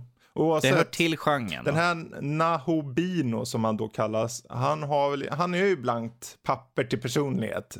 Och det är ju med flit för att du ska väl själv lägga vad du är liksom, i honom. Man ska infusa sin egna ja, personlighet eh, över honom. Ju så. Tyvärr så blir det ju väldigt, det blir högtravande och lite skitnödigt ärligt talat. Det är lite så här, ja men kolla vilka ord vi för oss med. Men sen ska en femåring köra det här. Jag vet inte vad, jag vet inte vad de vill säga riktigt. Men berättelsen i alla fall, det här med den här eh, postapokalyptiska Tokyo. Man kommer sen tillbaka till Tokyo som var innan. Men det finns en del spoilers så jag kommer inte gå in på det. Men eh, så du kommer få fler världar och så och det kommer fler fiender och det är en myriad av olika fiender som varierar sig och just det här hur du tar an striderna har växt på mig faktiskt ganska ordentligt när jag faktiskt på riktigt kom in i det. Jag menar, jag har ju ändå plöjt över 20 timmar redan. Eh... Och, du, det, och nu är du snart klar med prologen, Fredrik. Det är just det där. Det enda jag har problem med är ju när spel säger, men du kör x antal timmar så kommer du in i det. Om inte du fångar en spelare som är ovan ett spelmedium från start, då har du tappat den tror jag. Mm. Det är det. Om du sätter, ja men eh, Danny, du har ju aldrig kört Forza, vi lever i ett scenario bara. Vi, vi, du har aldrig kört speciellt. Forza förut. Aha. Och så sätter du bara, ja, alltså det är sju miljarder pluppar här och jag åker bara en bil. Vad är grejen? Nej, jag orkar inte. Jag ska köra nord och syd igen, hej då. Du, du gjorde ett stort misstag och sa att det är en massa pluppar på kartan, Fredrik, jag så vet, det var ditt första hörde, misstag. Jag hörde jag säga det, men vad fan. Men det, här är liksom, det är så mycket grind så att Diablo ser så här, oj, lite blyg nästan, tänker Diablo när han tittar på det här spelet. För det, det är mest grind jag varit med om alltså. Jösses! Hade det bara varit roligt när man grind också. Men där är ju också skillnaden, att jag är inte van med det här, jag tycker det är lite, det, det, varje gång du går runt i världen så är det ganska intressant. Uh, men sen stannar du upp. Du kan åtminstone se fienden. Du går in i fienderna. Uh, och om de snikar upp på dig i ryggen, då är det de som får första draget. Mm. Då är det jag som går mot dem och slår med mitt svärd, så är det jag som får första. Yes. Uh, men det är ju inget, jag ser inget nytt i det.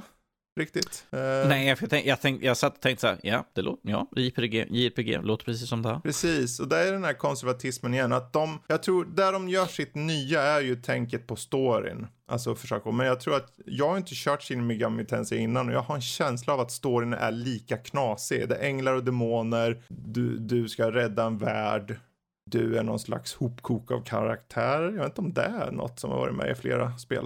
Uh, kanske, kanske inte. Men första intrycken är så här, på, på ett sätt så tycker jag jag kan se att den här grinden är rolig för många. Det, och är du JRPG-fantast eh, överlag, så ja, varför inte? Är du någon som vill ha ett vanligt spel, liksom sett till, eller vanligt, någon som vill ha ett mer eh, realtidsspel, då ska du nog glömma det här helst. I en grotta. Men, men vill du ha ett spel som du kan lägga 600 år på? Oh, och jag, det är konstigt också, för jag, jag kommer på mig själv, men först så satt jag och tänkte, gud vad fult det var. Gud vad fult. Men efter 20 timmar så jag tänkte, ja men det är ganska snyggt. Eh, Fredrik, Fredrik, det är inte att det blir snyggare, det är bara att du har vant dig. Ja, det är det som är poängen. För att jag ser det ju som snyggt. För jag, när, jag sa, när jag kom på mig själv och tänkte, ja, men det här ser ju snyggt ut för en switch. Sa jag sen i huvudet. Mm. Hade spelet släppts på Xbox Series X och sett ut så här. Då hade ju folk bara rynkat på Det är inte att det ser något dåligt ut, det är bara att det är väldigt meh. Så, det är låga texturer och du har animefigurer som har typ två drag i ansiktet. Din karaktär rör på läpparna lite så här vanligt osynkat som en anime är. De är alltid osynkade. Anime! Anime! ja, nej, jag tror det har för de som är fans och de som är ovan med genren ska nog ta en extra funderare. Är det däremot att man vill ha exa, supermånga timmar så då kanske ni ska plocka upp det. Det är ju värt pengarna i alla fall, tror jag. Jag är lite nyfiken för det finns någon demo kanske på det eller något sånt där. Det är ju bara Switch dock. Ja. Eh, jag vet inte jag om det finns demo på det för faktiskt. Jag, för jag tänkte ifall det fanns något sånt så kan man i alla fall få en, en ja, kännedom om hur gameplay är. Ju. Precis. Eh, ja, för det är ju tråkigt att bara köpa grisen i säcken sådär. Eh, mm. Så är det. Ja, jag, nej, jag betalade ett spel för, för 600 spänn som jag körde mm. i 20 timmar, sen tröttnade jag. Men å andra sidan, köpa grisen i säcken. Det är ett JRPG av alla dess på de Ja, och, och, sen, och sen är det liksom femte spelet i serien, ja. så att troligtvis kommer det vara folk som redan har spelat det. eller sett någon annan spelare, ja. så du vet, då man vet, eller är en som uh, uppskattar JRPG-genren. Ja, eller i alla fall, då, som eller sagt, för det, det, du, när du satt och liksom. berättade allting, jag bara liksom så här, ja, ja, ja, nej, men det är så spelen ska vara. Mm. Japp, japp, ja, en del dialog är inte talad, ja, nej, men det låter precis som alla spel, alla JRPG jag har mm. kört genom åren. Så. Ja, och jag tror mycket har med, liksom, är du, som du säger där, är du van med genren, eller framförallt Shin Megami, för det är ju femte spelet, mm. då är det ju bara att köpa egentligen.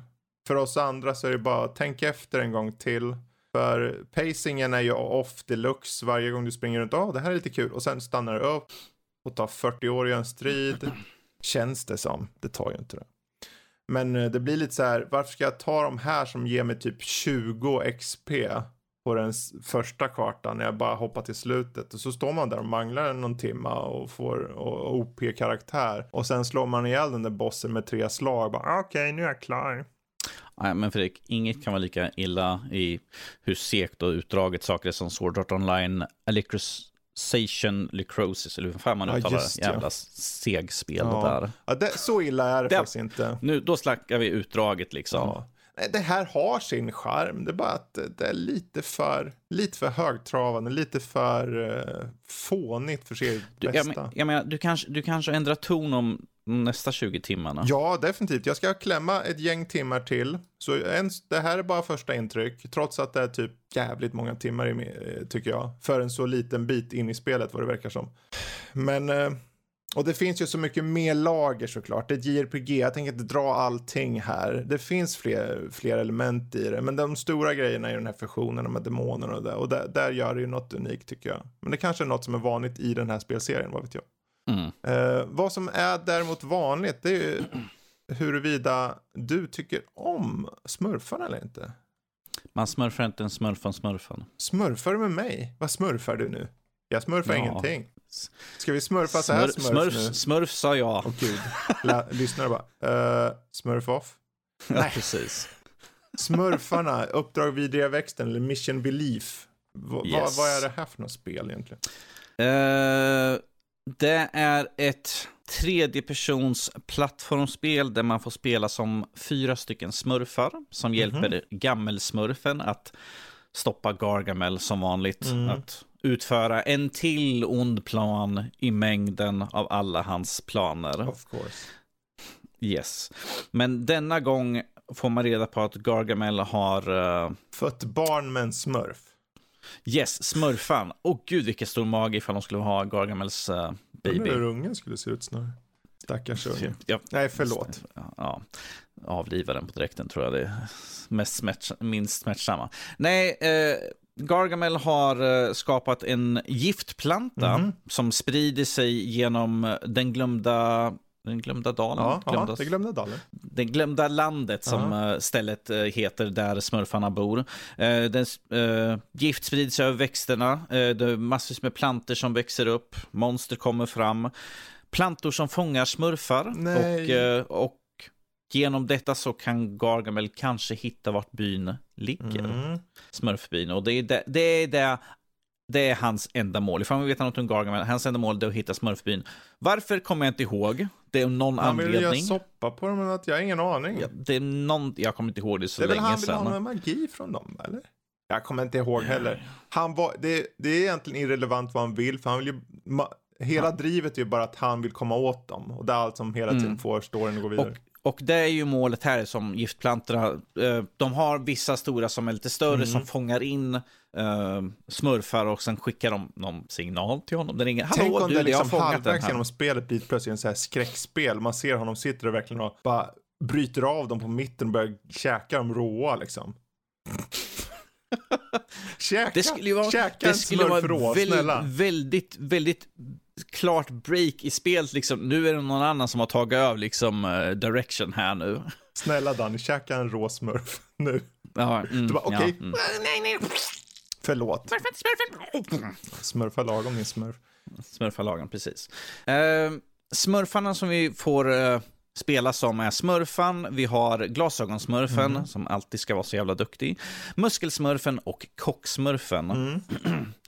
Skillnaden mellan dem är egentligen bara att de ser annorlunda ut och de har olika dialoger egentligen Jaha. när de pratar. Inte olika spelstilar eller något. det finns absolut ingenting för att man har Fixarsmurfen, han har en uppfinning som heter smurfificeraren och jag ser i min recension som jag har den öppnat, det har jag dubbelt, dubbelt i, det där måste jag gå in och kolla sen, men det hör inte hit. Smurfificeraren som är mer eller mindre, tänk dig eh, Super Mario Sunshine. Sunshine. Det är mer eller mindre, du har, det ser ut som en dammsugare på ryggen där du kan springa och liksom blåsa bort eller suga upp med gift för att liksom rengöra skogen, vilket är på det sättet du tjänar eh, po- eh, pengar mer eller mindre, och vilket är typ ekollon eller något sånt där. För när man rengör ett område så blir det liksom, det poppar upp som blommor och sen får du typ ett x antal med ekollon. Såklart finns det ju saker man kan plocka på sig som eh, glasflaskor, svampar, eh, bark eller något sånt där för att kunna uppgradera eh, din maskin. Så det finns ju mycket sånt som man kan leta. En del är jättelätt att se, en del måste man klura lite grann på för att det är lite som pussel för att det finns som små svampar som man måste träffa och sen har man en viss tidsintervall att träffa x antal. Och då måste man utnyttja de saker man uppgraderar till exempel och använda så att man kan springa jättesnabbt eller liksom flyga eller glida mer eller mindre, Precis. inte så mycket flyga och glida, eh, för att kunna ta sig till de här. Eh, spelet är i fem kapitel Okej. och jag spelar igenom på strax över 12 timmar. Ja, Eh, ja. Skön vilket längd. stämmer. Skön längd, precis. Det är lagom sådär. Eh, beroende på hur mycket man springer och letar. Mm. Men som jag skrev i min recension att ifall du är en sån som vill 100% även när eftertexten har rullat, så kan du hoppa in i spelet och Mm. fortsätta för att rensa upp allting. Så det, det, ifall man vill 100% så går det att göra liksom så jag måste klara av allt innan. Jag så, vet men att det här, vad- gav det här en utmärkelse eller? Det fick ett bra Ja. köp, för jag tycker för vad det är så... Alltså jag måste säga, jag blir väldigt sugen på det här. Faktiskt. Ja. Det ligger så här, det, det är eh, lite lättillgängligt, roligt, bara hoppa in, eh, smurfa loss. Jag menar, det är ju tur att du har tillgång till mitt Steam-bibliotek då i så Mm. fall. På familjedelning där, så det är bara du spelar Ja, där. jag, jag har redan laddat ner det för länge sedan. Ja, nej alltså plus att eh, nu finns det inte svensk tal, men det finns svensk Mm. text. Så ifall man typ sitter med en yng, ett yngre barn Mm. eller sånt där som kanske har lärt sig läsa i alla fall, Precis. så kan de ju läsa och följa med. För att eh, mellan kapitlen så får man eh, förklarat där, eh, vad heter han, uh, Gammelsmurfen. nej inte gammelsmurfen, han som diktarsmurfen ah, han heter, jag kommer okay. inte ihåg. Han, han liksom berättar liksom, han är våran narrator emellan kapitlen och så får man som en, en stor bildbok där text kommer upp och det ritas in bilder mm. så att det är ju liksom väldigt mycket, det är ju både för en jag skriver för att det är både för en ung publik eller för en annan som mig, 42 gammal, mm. som växte upp med smurfarna. Så för mig är det ett kärt återseende. Ja och hoppa in och spela smurfarna. Även för jag är 42 år gammal så kunde jag uppskatta det väldigt Precis. mycket. För att det fanns en del inslag av Mario och andra mm. repliker som kom fram under spelet. Jag bara, det där är från ett lite annat spel. Det där är från, alltså. Lite sköna referenser sådär. Så jag bara, det är från det spelet och det är från det spelet sådär. Så jag tyckte det var rätt kul. Plus det, ibland kan det vara eh, sköna utmaningar. Eh, små, ifall man är väldigt ung så kanske man behöver lite hjälp med vissa pussel mm. och sånt där. Men överlag så man kan egentligen springa, ifall man vill så kan man springa igenom spel. Du behöver egentligen inte alla uppgraderingar mm. för att kunna klara av. Plus att det, det, finns tillräckligt med saker man kan hitta för att kunna uppgradera. Jag tror jag, när jag var klar, jag hade tre uppgraderingar kvar. Okay.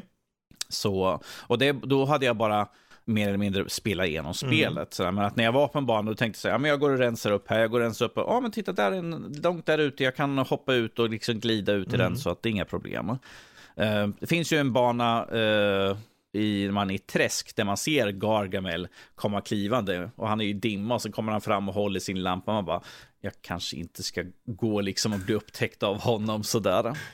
Uh, man är ju också i hans slott, eller ruckel mm. kallas det. Gargamel, banan heter Gargamels ruckel, där man mer eller mindre ska klättra i hyllor, hoppa och ta sig fram. Mm. Där han, man ser liksom att han håller en pinne med en lampa på så att man måste gömma sig mm, bakom mm. saker och ting för att inte kunna bli upptäckt. För ifall man blir upptäckt då är det liksom, då är det game over på direkten. Då kommer han där och så kokar han dig, eller steker.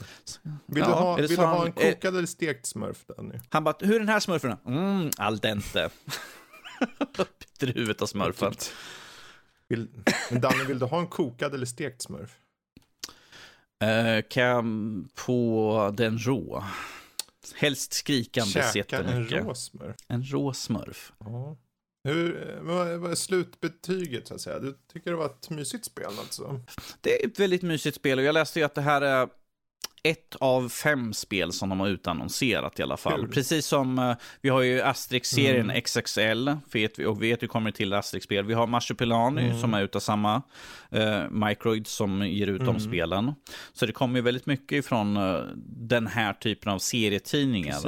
Uh, så att det kan ju vara någonting, ifall man har yngre barn eller liksom växt upp med serietidningarna så kan ju det vara någonting att kolla. Som sagt, jag har inte de här Asterix Obelix XXL, men jag har varit väldigt länge sugen på att skaffa in dem för de ser så jävla roliga mm. ut. För jag spelade, på Commodore 64 så spelade jag Asterix Obelix. Och sen har jag liksom testat på spel som har kommit med de här har sett riktigt roligt för att den är liksom full mm. 3D och humorn ser ut att finnas där. Så när det här kommer, jag bara, åh, varför inte? Det ser ju kul Precis. ut. Så. Det är väldigt underhållande. Plus att de, de, det var en sak, liksom, jag bara, okej, okay, vi har en dammsugare på ryggen och sen har de en walkie-talkie som man pratar tillbaka med i byn, liksom gammal smurfkom så här. Kocksmurfen, var är du någonstans? Vad gör du för någonting? Så här, liksom, nej, jag är ute och vandrar här nu. Så dialog, liksom, man bara jag missar någonting. I serietidningar det är liksom så här, vi tar en stor gryta och sen rör vi ihop trollformer och sådana där saker. Allting är liksom low key. Här liksom så här, nej men vi har walkie-talkie, vi har dammsugare på ryggen som gör att vi kan flyga ja. lite grann. Sen man, man bara, utvecklingen går framåt sådär. Men att det här är en serie som har hållit på länge, så varför inte leka lite grann? Precis. Ja, spännande. Jag ska definitivt plocka upp det här också. Jag är så här, fan det här hade varit kul att ha på Xboxen också. Mm. För att racka lite jo. jo. Jo, för att uh, jag körde ju med på, jag spelade ju på PC på Steam, mm. men jag använde handkontroll mm. för att det är ett 3D-plattformsspel. Ja, det här skulle du köra med handkontroll. Jag försökte med mus och tangentbord, det funkade, ja. men jag det var liksom, jag bara, vilken knapp var för att jag precis. skulle dasha? Ja, men det är väl en plattformare, det är väl uh, helt naturligt med handkontroll. Alltså, precis, för att det här känns som att det är utvecklat för konsol mm. också, så att då är mer handkontroll den mer naturliga val. Ja. Plus att i en 3D-miljö så känner jag, jag tänk, att det, det, det där är intressant att säga, för jag tänker, många säger så om, om det är gjort för handkontroll så är det riktat mot konsol, men idag Det är jättevanligt med handkontroll på PC. Jag skulle säga att det är... jag skulle säga mer, är, det 3D-plattform så är det nästan Ja, ja. utbyggt för handkontroll oberoende på plattform. Absolut, för att det är mer, så. mer eh, lättillgängligt att använda. Precis så. Eh, men uh, Smurfarna Uppdrag Vidriga Växten finns egentligen på alla plattformar just nu faktiskt. Eh, Steam Mm. och det är Xbox, Playstation och Switch. Så eh, det är bara att hoppa ut och hitta. Jag tror det var en 400 spänn någonting. Uh, Ja, det, ja, precis. PC var det runt 300 Mm. kronor tror jag det var. Jag tror att 399 på de andra plattformarna Ja, i runda det. drag. Så det är inte, det är inte dyrt. Nej. Det är ganska billigt. Och man får ut cirka 12 timmar Ja, speltid på det. okej. Mm. Då så. Men jag, om vi hoppar vidare då. Jag har ju kört, för det kommer ju på Game Pass Unpacking. Eh, Ja, vi vet ju hur du packar Ja, saker och sånt det här där. är någon slags omvänt. Det är ju inte att du packar ner saker, det är att du packar upp saker. Så du, du befinner dig i ett hem bara och det är massa flyttlådor i hemmet. Du öppnar en flyttlåda, får upp ett objekt och sen väljer du att placera det. Och när du sen har placerat alla objekt som finns i alla lådor, då ska du så, allt ska ligga på rätt plats. Inte exakt rätt plats, som att de är dedikerade, men bra nog för att det ska vara okej, det här är hyllan där det är kläder, då ska alla kläder finnas där. Om du har lagt bara kläder på kontorstolen, då är det förmodligen fel plats. Typ så. Det här är en bokhylla, jag har ställt mina fiskar här Ja. i. Och det, hela så här, det, ska, det är lite skön musik i bakgrunden, det är lite zen-mode sådär. Det är bara packa upp, lägg allt på sin plats, se till att eh, det ser eh, så prydligt ut det går, trots att du har en miljard grejer. För ju längre in du kommer, desto mer grejer. Jag, jag kom på mig själv med att det är ju en stor flaw i spelet, det är att du inte kan kasta skit. För att när jag flyttar, då kommer jag gå igenom saker och tänka, ja men vad ska, som, de lägger ju upp allting i det här spelet. Som, ja men här är en låda med bara kläder, det är 400 liksom, eller 400, det är ett gäng olika eh, tröjor då till exempel. Mm. I mitt fall, hade det varit verkligheten hade jag gått igenom tröjan och tänkt, okej jag flyttar nu det första gången på länge, jag kommer kasta skit för att bli av med skit. Vad ska jag med ungarnas kläder från när de var barn? Ja, liksom? exakt så. Så det enda jag hade saknat i unpacking är ett möjlighet att kasta skit. För det, ja, om man nu ska få det att se lite prydligt ut blir det svårt när jag alltid måste placera ut den där jävla nallen som alltid följer med i alla flyttar. Även när jag är 29 år, 30 år, 40 eller vad fan som helst så. För man, i spelet så går man går från ung ålder till nya hem hela tiden. Så är det olika år, 97, 2004, 2007, 2010 och så vidare. Man får se Mm. nya platser och nya större hem. Och såklart har du ackumulerat fler prylar för varje gång. Det är ju längre fram i framtiden så är du mer vuxen och så vidare. Eh, men det är samt det är ett ganska skönt litet spel är det faktiskt. Eh, det gör ju inte så mycket väsen från sig så, men det är, om du bara vill softa, om du bara tycker om den här lite s- meditativa känslan att bara placera ut saker på sin plats. Så Jag, jag, tror, jag tror att de här kallas på Steam kallas för atmosfäriska spel. Så kan ja. det vara. Jag tror, de, jag, tror, jag tror det är den taggen de har, för vi har ett spel som vi har fått till oss som jag, jag kollade upp och det var atmosfärisk. Mm. Precis som det här, eh, det här du hade med plantorna. ja, precis. Det hade också taggen atmosfärisk. Cloud För det är liksom Gardens. det här, Cloud Gardens, det är det här liksom skön atmosfär, det ska vara lugnt och Det avslappnat. är inga poäng, det är inga så mätare, det är ingen timer eller något, utan du ska bara liksom packa upp lådorna och placera i dina hem. Och indirekt så får du alltså, när du ser att hemmen förändras med åren så får du ju indirekt en slags story genom det här liksom. Eh, för att det är olika saker som kommer upp, olika typer av kläder. Det kanske är för två personer du packar upp för och då har uppenbarligen din karaktär träffat någon och, och så. Ehm, men eh, jag kör den på Game Pass. Den finns nämligen nu på Game Pass. Så har ni redan där så är det bara att testa. Ja, nej, nu tjatar han om Game Pass Ja, igen. vad tusan, det är en sån bra tjänst. Man får så många spel. Man får så många Ja. spel. Eller, eller så kanske man, en sån här man får en sån här tragisk karaktär som man bara packar upp massvis med samla figurer och Det sånt fanns där, väldigt liksom. mycket sånt. Mycket så här spelenheter och grejer. Um, ja, ja. Jo. Kan, kan, de, kan, de, kan de göra mitt Men vardagsrum? kan man äta folk- en rå smurf? Nej. Eh, Det skulle vara coolt för man skulle kunna göra sina egna rum, liksom, för jag bara, jag måste hitta så mycket plats för alla jävla Mm. figurer att ställa. apropå figurer. Yes. Eh, det här går lite ifrån både spel och film. Mest för att jag ville ha det som en punkt för jag missade förra veckan. Eh, Mm. Vi var ju iväg på Comic Con. Ja, ta ta inte liksom, jag, Eh. jag kunde ju inte. Ja, jag kommer inte ihåg varför, men det är synd. Var. Du var sjuk, så var det. Jag blev sjuk. Jag blev sjuk under veckan som ledde upp till Comic Con Ja. liksom. Det var, själva Comic Con är ju som om man inte vet det så är det konvent där vi samlar cosplayers, det är paneler och det är eh, mycket med prylar och god mat och grejer på plats. Mycket fokus på nördiga saker. Eh, och den här gången, för, första gången så fick jag med mig barnen. De har inte åkt, vi har ju jämt åkt i nördliv, nam, eh, under nördlivs baner så att säga. Och försökt att prata Mm. med folk och få lite kontakt. Men den här gången, nu när ni inte var med, varken du eller Matte. Så, förvisso var Jesper och Joel med där uppe. Eh, Mm. Men det vart lite mer så här, jaha, hur gör man nu då om man inte har med gamla goingarna? Ja men då får vi hitta nya Fick, saker. fick, du, fick du leka pappa istället Ja. bara? Istället för, istället för att Det leka vart pappa ju med lite mig så här att jag fick gå lite som en vanlig person kändes det som. Alltså att nördliv, jag behöver inte bry mig om Du nördliv gick riktigt. privat och inte liksom i nördlivs ärende. Precis. Eh, och det, som mässa i år så var den uppenbart återhållsam. Eh, jag förstår nu att eh, det finns restriktioner hos de stora spelbolagen. Och de, de fanns inte på plats. Det fanns COD och några indiespel tror jag. Eh, Det, låter, det låter lika bra som i... Det låter bättre än vad det var i Göteborg nu var där. Ja, Göteborg var inte så jättebra. Men mycket av det här har ju, däremot vad som gjorde det bra är ju atmosfären och känslan och framförallt att det var ganska mycket folk. För det indikerar ju på att även fast de har utannonserat, okej det är inte några stora namn.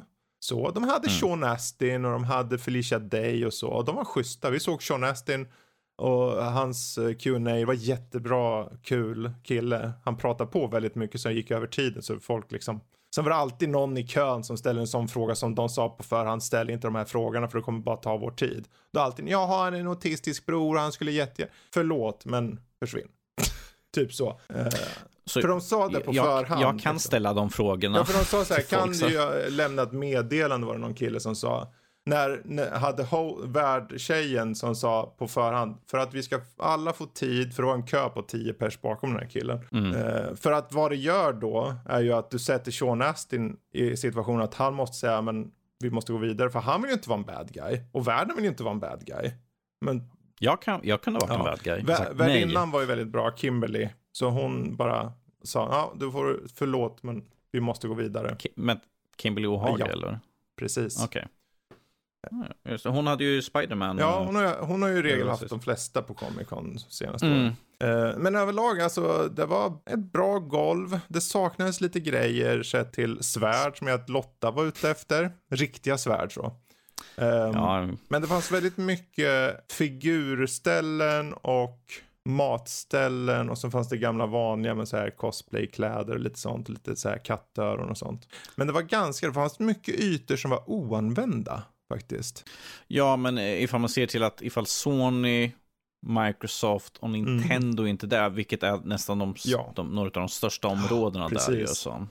Det, det, det märktes och jag har förståelse för att de har själva restriktioner. Eh, Så Mm. det är helt okej faktiskt känner jag. Eh, sen, det, sen är det ju så här att det här är, för att gå tillbaka till det jag sa, att det var ändå fortfarande väldigt mycket folk. Eh, jag tycker det är bra att det var mycket folk för det indikerar på att även fast de inte var på plats de här stora så drog det folk. Folk är sugna på att komma ut. Eh, och om det gick så här bra nu när de inte hade det, hur blir det då kanske till våren eller nästa år? När de kanske faktiskt finns på plats, Ubisoft eller Nintendo, Xbox, Sony och så vidare. Så jag tror det är en bra start var det ändå. Men det var lite, lite lojt faktiskt. Och det fanns inga så här supertydliga paneler som jag bara, det här måste jag se. Ubisoft, Ubisoft kommer med skallen-bones. Ja, Man kan nja, drömma. Mm, vi får ju hoppas. Vi får ju hoppas. Det är bara jag. Ja, men det får, det får räcka. Det var, det var okej, var det. Jag hade gärna sett mer, men över, den totala upplevelsen var ju nice och så. Men, äh. Ska vi se, eftersom det, som sagt, en bra start för en första, Mm. Första omgång här nu efter, värsta eh, efter under den värsta utav epidemin ju som sagt. Ju, så. Man kan ju inte förvänta sig för Ja, att det de ska liksom allt ska vara som man, vanligt. Ju. man tar ju ner sån här covid-vaccinationspass, eller vad det kallas. Eh, Mm. Då beställde man det bara i en app och så fick man det på samma gång. Det var busenkelt, funkat, men man fick ett band som visade att man hade fått, att man hade visat upp det, så behövde man bara visa det igen sen. Bara gå ut och in, Mm. hur lätt som helst. Eh, så det, det tyckte jag var en bra grej och funkar bra liksom och initiativ ett att ha det var bra också. För det, det är ju det är till för att eh, skydda de som kommer, i den mån det går att skydda i alla fall. Mm. Vad som eh, kanske också går att skydda är ju film och tv. Ska vi gå till någon film och tv? Vad vill du prata om eller vill du att jag pratar om något? Nej, alltså jag kan prata, men jag är väldigt nyfiken på, som jag vet att du har ju läst hela den här jävla tjocka serien. Förutom sista boken. Förutom sista boken, men du har Ja, ja, boken jag i alla fall ståendes där. Så. Eh, Men eh, det här är ju, det här kommer, ifall det, serien när du utspelar sig i tid efter böckerna eller något sånt där så, kommer, så spelar ju inte det en roll. Men att The Wheel of Time, Mm. du har nu sett de tre första Yes. delarna. Hur, jag är nyfiken, hur väl står de sig gentemot eh, originalet, böckerna? Ja, bara, de här, bara första avsnittet är att de kommer till startplatsen där de finns de åtta karaktärerna som det handlar om och att de forslas därifrån, vilket är egentligen halva första boken typ. Och det är på ett avsnitt. Det är snabbt, snabbt, snabbt där. Eh, Men jag kan tycka att det är rätt val. För att de, de har gjort det ganska bra i den här serien. Du har... Jag, jag kan väl dra premissen lite kort då. Ehm, kan vara bra så folk vet ja, vad det är. eh, Sagan om drakens återkomst, eller Wheel of Time som den egentligen heter, eh, handlar om en värld där eh, magin är smittad. Om du är man och använder magi, då kommer du oundvikligen bli galen och förstöra världen mer eller mindre. Därför så använder bara kvinnor magi. För de, de är fria från smittan. Den är bara, det finns två typer liksom, av magier. Kvinnlig och manlig typ. Ehm, och de har en order som heter Aes Sedai och de här är typ som en slags polis. De har massa olika förgreningar inom sig själva, så eh, vissa gör olika saker och så. Men de ser till att jaga upp de här männen i alla fall som har eh, möjlighet att utnyttja eh, the one power. För att eh, det kan förstöra världen. Man skulle kunna säga lite grann att de blir som warlocks, vilket inte är en positiv sak. Inom... Mm. Men som, att, som jag sa där så finns det olika förgreningar. Så vissa är mer Mm. så här schyssta mot män och försöker rädda dem medan andra bara vill döda dem på en gång. Allt det här eh, är bara uppsättning för du har en karaktär som heter Moraine. Hon är Aes Sedai. Hon letar efter mannen för det är mycket reinkarnation i den här världen. Det var av namnet Wheel of Time. Allting går runt. Du kan inte bryta hjulet utan eh, reinkarnation är sann och för flera tusen år sedan fanns det en man som hade magi som förstörde, rämnade hela världen. Och han kallas Draken. A Dragon. Dragon Reborn. Eh, och nu är det så att de vet att den här mannen har återfötts. De behöver bara hitta honom. Och det för henne till en liten byhåla som heter Two Rivers. Det märkliga är att i den här staden så kan hon inte utröna vem det är. Hon hittar åtta individer och någon av dem är det Mm. förmodligen. Eh, tyvärr, samtidigt så kommer ett gäng Trollocks. Eh, och Trollocks, det är den här världens motsvarighet till Orks. Skillnaden är Okej. att Trollocks är äckliga varelser som har kombinerats av olika djur. Det kan vara ett vildsvinshuvud på, på någon stor björnkropp eller det kan vara liksom vilken kombination du vill. Och de äter egentligen upp allt de ser. De bara mördar och äter skit. Eh, Låter som jag på en fredag. det är du på en fredag när du käkar en råsmurf. Men i alla fall, hon, hon då, Moraine, får ta de här eh, åtta, eller i alla fall försöker ta åtta, det blir ett par stycken av dem i alla fall, med sig eh, och försöker ta dem till det vita tornet, det vill säga eh, högsätet för Aes Sedai-kvinnorna. Eh, för att rädda dem, och det är upplägget då. Vem är den här The Dra- Dragon Reborn? Kommer den här personen bli galen? Är det en kvinna? Är det en man? Kan vara en kvinna. Precis, för det, är- det finns inget som bestämmer vad för kön du återföds Nej, som, precis. ja. Eh, Jag tycker det är så kul som du sa, liksom, att hon radar upp åtta personer, det är någon utav dem och hon radar aldrig upp. Hon, hon, hon spelas för övrigt av Rosamunda Pike. Mm. Och hon var, för jag var lite så här, lite så här trepid inför serien med, är hon rätt? Hon är ju väldigt bra. Jag vet när hon är bra så är hon superbra. Och när jag såg första avsnittet. de här, hon är konsekvent riktigt bra. Hon, eh, hon funkar jättebra som Moraine. Och även om jag personligen vet vad hennes resa kommer ta vägen så gör det mig ingenting för hon nailar det. Det jag hade svårt för först var de här ungarna. För alla är typ 20-åringar, säg 25-åringar. Ungarna. Eh, Ja, du kan säga det. Du har ungar som är yngre än det. Men eh, för först var det så här, de är lite så här, du vet en double, eh, CV, eh, CW tv-serier, så här ungdomsserier, de ser lite så här Eh, vad heter den där Archie-serien? Riverdale. Ja, Riverdale. Jag tyckte när jag såg bilder på dem, ah, det ser så här, är det här en ungdomsserie? De ser plastiga Ja, ut. de, såg så, de såg så snygga ut för att vara i en värld som är för jävlig. Mm. Det är lite så här tillgjord, lite fake Alltså, liksom. nej, inte fake, det- bara att de ser alltså, för alltså, snygga fake ut. att liksom, jag har liksom bara, jag har gjort till mig så jävla mycket för att liksom bara synas. Först trodde jag det när jag såg bilder, ja. Men när jag såg Mm. serien så förstod jag varför de hade valt dem. Ett, överlag är de väldigt bra skådisar. Och det, det är den största fördelen. Nummer två är att kontrasten behöver ske. De är snygga i början. Men Trolloxen, när de kommer till byn. Alltså vi snackar ju splatter deluxe här, för de äter ju upp folk på gatan. Och eh, Perrin till exempel, det är tre karaktärer. Matt, Perrin och Rand. Heter de tre männen i alla fall som är med. Är det, är det pojkbandet Ja, där? ungefär. De ser så här, de är snygga kids bara så. Men, Vänta, låt, låter de säga också wow, Wow, dude, dude. wow. ungefär. Men, nej det gör de inte. Men, eh, när the shit hits the fan och de är neddränkta i blod, då är det inte så jävla CW längre. Fotot och kameran får då kännas lite så ibland. Det känns som det, fast de har samtidigt jättestora vyer. Det är så påkostat i, i, i kameran. Men samtidigt är det lite tv-känsla. Jag vet, inte, jag vet inte hur de har fått ihop det riktigt på det sättet. Uh, men den funkade oväntat bra. Han som spelar Perrin var väldigt bra val. Och Matt också. Rand vet jag inte än. För Rand är ju speciell. Han kommer stå ut väldigt mycket längre fram. Säger jag utan att spoila något. Uh, och jag är osäker på han just nu bara. Kvinnorna är bra också. Vilket är jätteviktigt i en serie som handlar mycket om kvinnor och deras kraft då. Uh, men överlag, de här tre avsnitten, de var ungefär en timma styck. Finns på Amazon Prime. Uh, var oväntat bra, men det är lite så här reserverat bra. Jag, jag vill inte hurra en för hårt.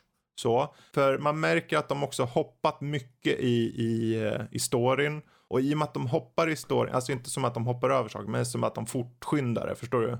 Ja. Ehm, påskyndar det. Annars, annars skulle det bli en väldigt Ja, lång serie. De påskyndar det så pass att någonting som en karaktär säger i första avsnittet säger de motsatsen till i andra bara för att i, i deras värld har det hänt så mycket under den tiden medan för oss, ja, men det är bara förra avsnittet. Varför känner du så nu? Liksom så. Så att de behöver göra en sån stor förändring. Det måste hända så mycket grejer så att man tänk, som tittare så tänker så här, men vänta nu, hur kan du redan tänka så? Du älskar personen nyss och nu, eller typ så, fattar du? Eh, snabba svängar. Eh, men överlag, bra första intryck. Tre första avsnitt. Jag tycker om ni inte har Amazon Prime, gå in och fixa det. Det är en månad gratis. Hinner ju titta ett gäng avsnitt. Det kommer komma ett avsnitt i veckan på det här. Eh, och det var ganska sant ändå mot böckerna faktiskt. Det är bara att de introducerar vissa typer av karaktärer och så eh, lite tidigare. Men det kan, det kan jag tycka är bra. De sätter upp världen. Det är viktigt. Det skulle vara intressant att se när du, en vacker dam, 14 år, hinner se det här. De har ju redan greenlightat tredje säsongen på det. Okej, ja, jag hade tänkt att sett innan nu, men att jag var så jävla Mm. trött så. Ehm, men det är Wheel of Time på Amazon Prime. Hur är då Eternals? Uh, Eternals, well, jag skulle säga att det är väldigt mycket personer under en extremt kort tid egentligen. Mm. Ehm, har, har, jag kommer inte ihåg, har, vi, har ni, har Jag ni gick igenom om den ganska mycket. ehm, Okej, ja, men då behöver jag inte gå igenom premisserna i alla fall på den sådär, men att eh, jag kan ju bara gå igenom vad jag tycker om filmen i så Mm, ja, det behöver du liksom inte. För jag pratade om det i för, Nej. förra avsnittet. Eh, nej, jag, jag känner att karaktärer kommer och går och eh, sen ser man dem inte under långa sektioner och det känns som att även fast mitt största problem är att du har för många huvudkaraktärer på den, på, vad är den, två och en halv Ja, timme lång. Lite mer till och med. 2.37 eller vad fan Ja. de var för någonting. Ursäkta att jag svär. Eh, så känner jag att du har tio huvudkaraktärer, Ja, mer eller mindre. Precis. Och det är lite för lite tid För alla egentligen. för, att- för att kunna, visst, eh, de delade ju upp, de delade ju upp sig under Mm. filmens gång, så vi hade liksom vissa par eh, som var runt omkring, men att det kändes som att man tappade så Mm. mycket av, av att lära känna karaktärerna, som för en av mina karaktärer som jag gillade mest var han Gilgamesh. Ja, okej. Han, Ja, han, som är stark med, Angelina, Angelina han som är med Angelina Jolie, äh, med eh, Mm. Fina.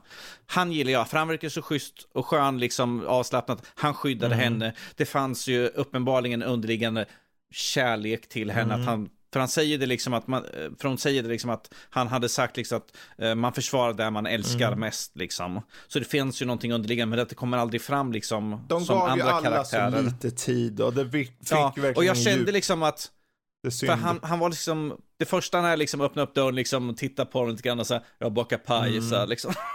så att jag känner att man förlorar lite grann av eh, den karaktären. Ja. Det vi fick mer utav var... Cersei? Vad hette hon så? Cersei. Uh, nej, jag tänkte mer på han som uh, hade skaffat familj. Ja, fast så mycket är det ju inte man. Det är ju jättelite. Nej, men jag känner, jag, jag, jag, nej, men jag känner att vi fick mer, vi, fast, fast, jag känner att vi fick mer, vi fick se mm. hans familj, vi fick se hans son, hans, hans mm. pojkvän, vi fick höra mer hans motivation och allt sånt där. Han förklarar liksom han, hur atombomben var hans fel, hur han hade liksom... Hjälpt människorna och de gjorde det. Hjälpt människorna för snabbt och ge dem liksom för starka vapen. Så det kändes som att jag fick mer information mm. om honom sådär.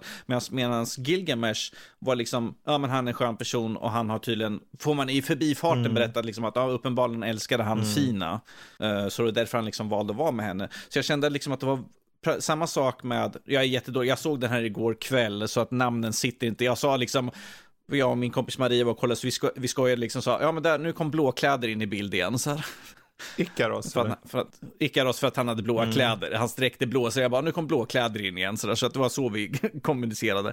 Nej, så att det... För mig var nog uh, Kumail Nanjanis karaktär den roligaste. Den som jag tyckte mest om. Uh...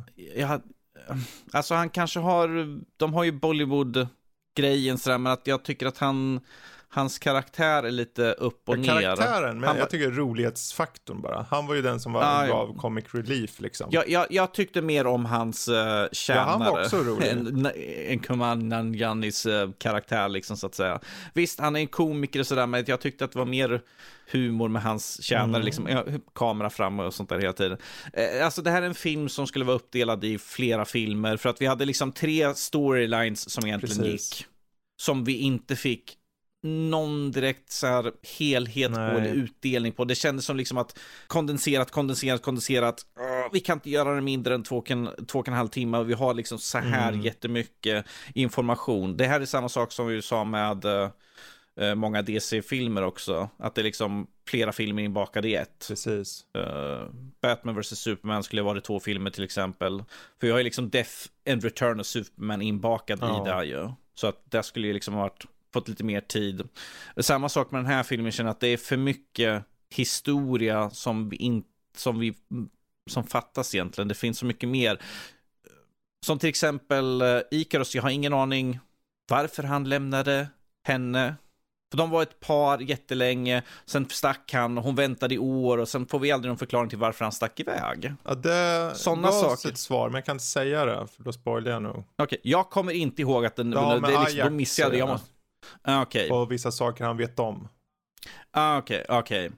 Men jag, jag kommer inte ihåg att det nämndes, då måste jag liksom blinka ja, det och missa det i så men det var bara förbi farten lite grann. Ja, precis. Och det är liksom det som är problemet, att det är liksom, jag bara, okay, så jag satt hela filmen, jag bara, vad fan, de nämner jättemycket om mm. deras relation och sånt där, men jag fick ingen upplösning Nej. på liksom varför. Det är ju så, när du har så många karaktärer så blir det att du måste ju tumma på alla i slutändan.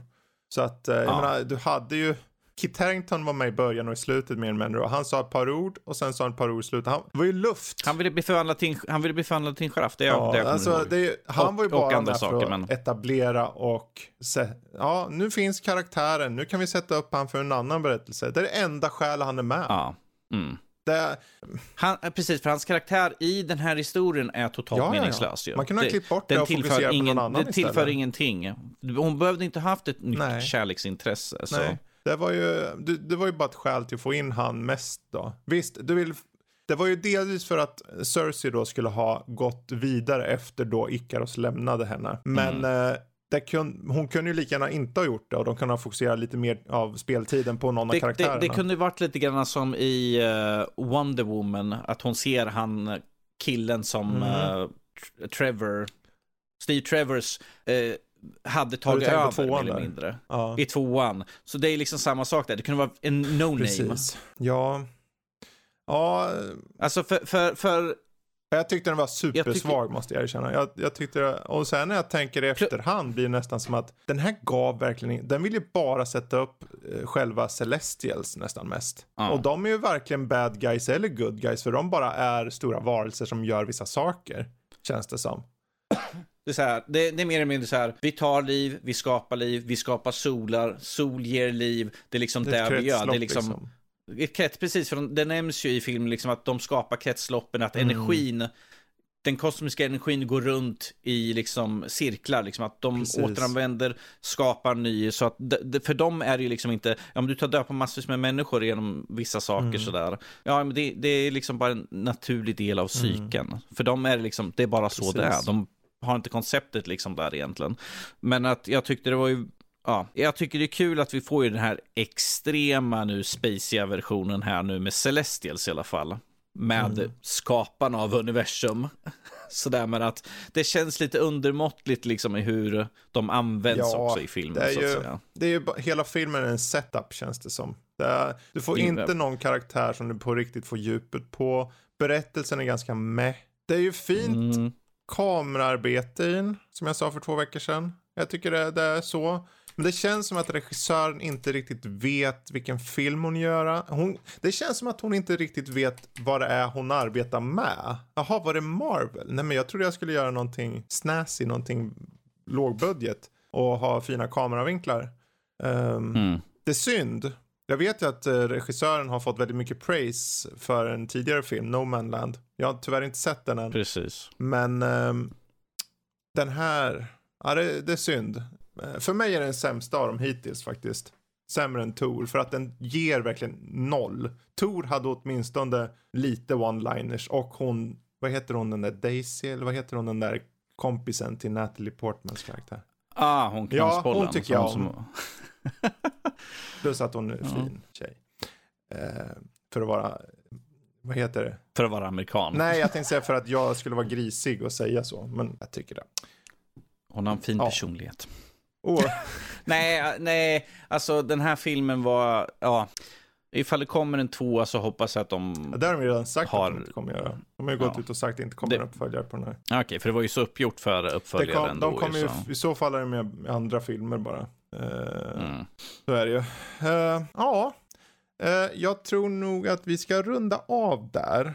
2.05. Um, det blir en matig det del för folk som lyssnar på den. del måste jag säga. På, på två, två gamla, gamla gubbstöttar. Så. Uh, innan det, det så ska jag dock säga att vi har ju såklart Discord. Och på Discord har vi omröstningar. Omröstningar kan vara kul faktiskt. Man hoppar in liksom på hemsidan, trycker på den här stora connect-knappen, kommer in i communityt och bubblar eller bara röstar. Uh, och den här veckan kommer vi ha en, eh, en, en, röst, en omröstning som är lite angående just Smurfspel du tog upp. För vilken mm. klassisk seriestripp eller seriefigur, eh, om vi bortser från allt som är Marvel och DC, skulle du vilja få, se få ett spel på? Åsa-Nisse. Åsa-Nisse, Katten Gustav, Spirou, eh, Knasen. Ja. Den frågan kommer finnas på vår Discord, så för all del hoppa ut dit och eh, rösta. Mm. Eller hoppa in i någon rolig speldiskussion som vi alltid Definitivt, definitivt. Så, är det något annat ni behöver av oss, då finns vi på nördliv.se eller nordlivpodcast.se och på den sajten hittar ni alla recensioner och artiklar och allt vad det är. Eh, och länkar till saker och ting som behövs. Eh, så, tack för oss. Tack Danny, tack till mig och eh, nu ska vi gå och käka en råsmurf. Hej då! Toodaloo! Aj, aj!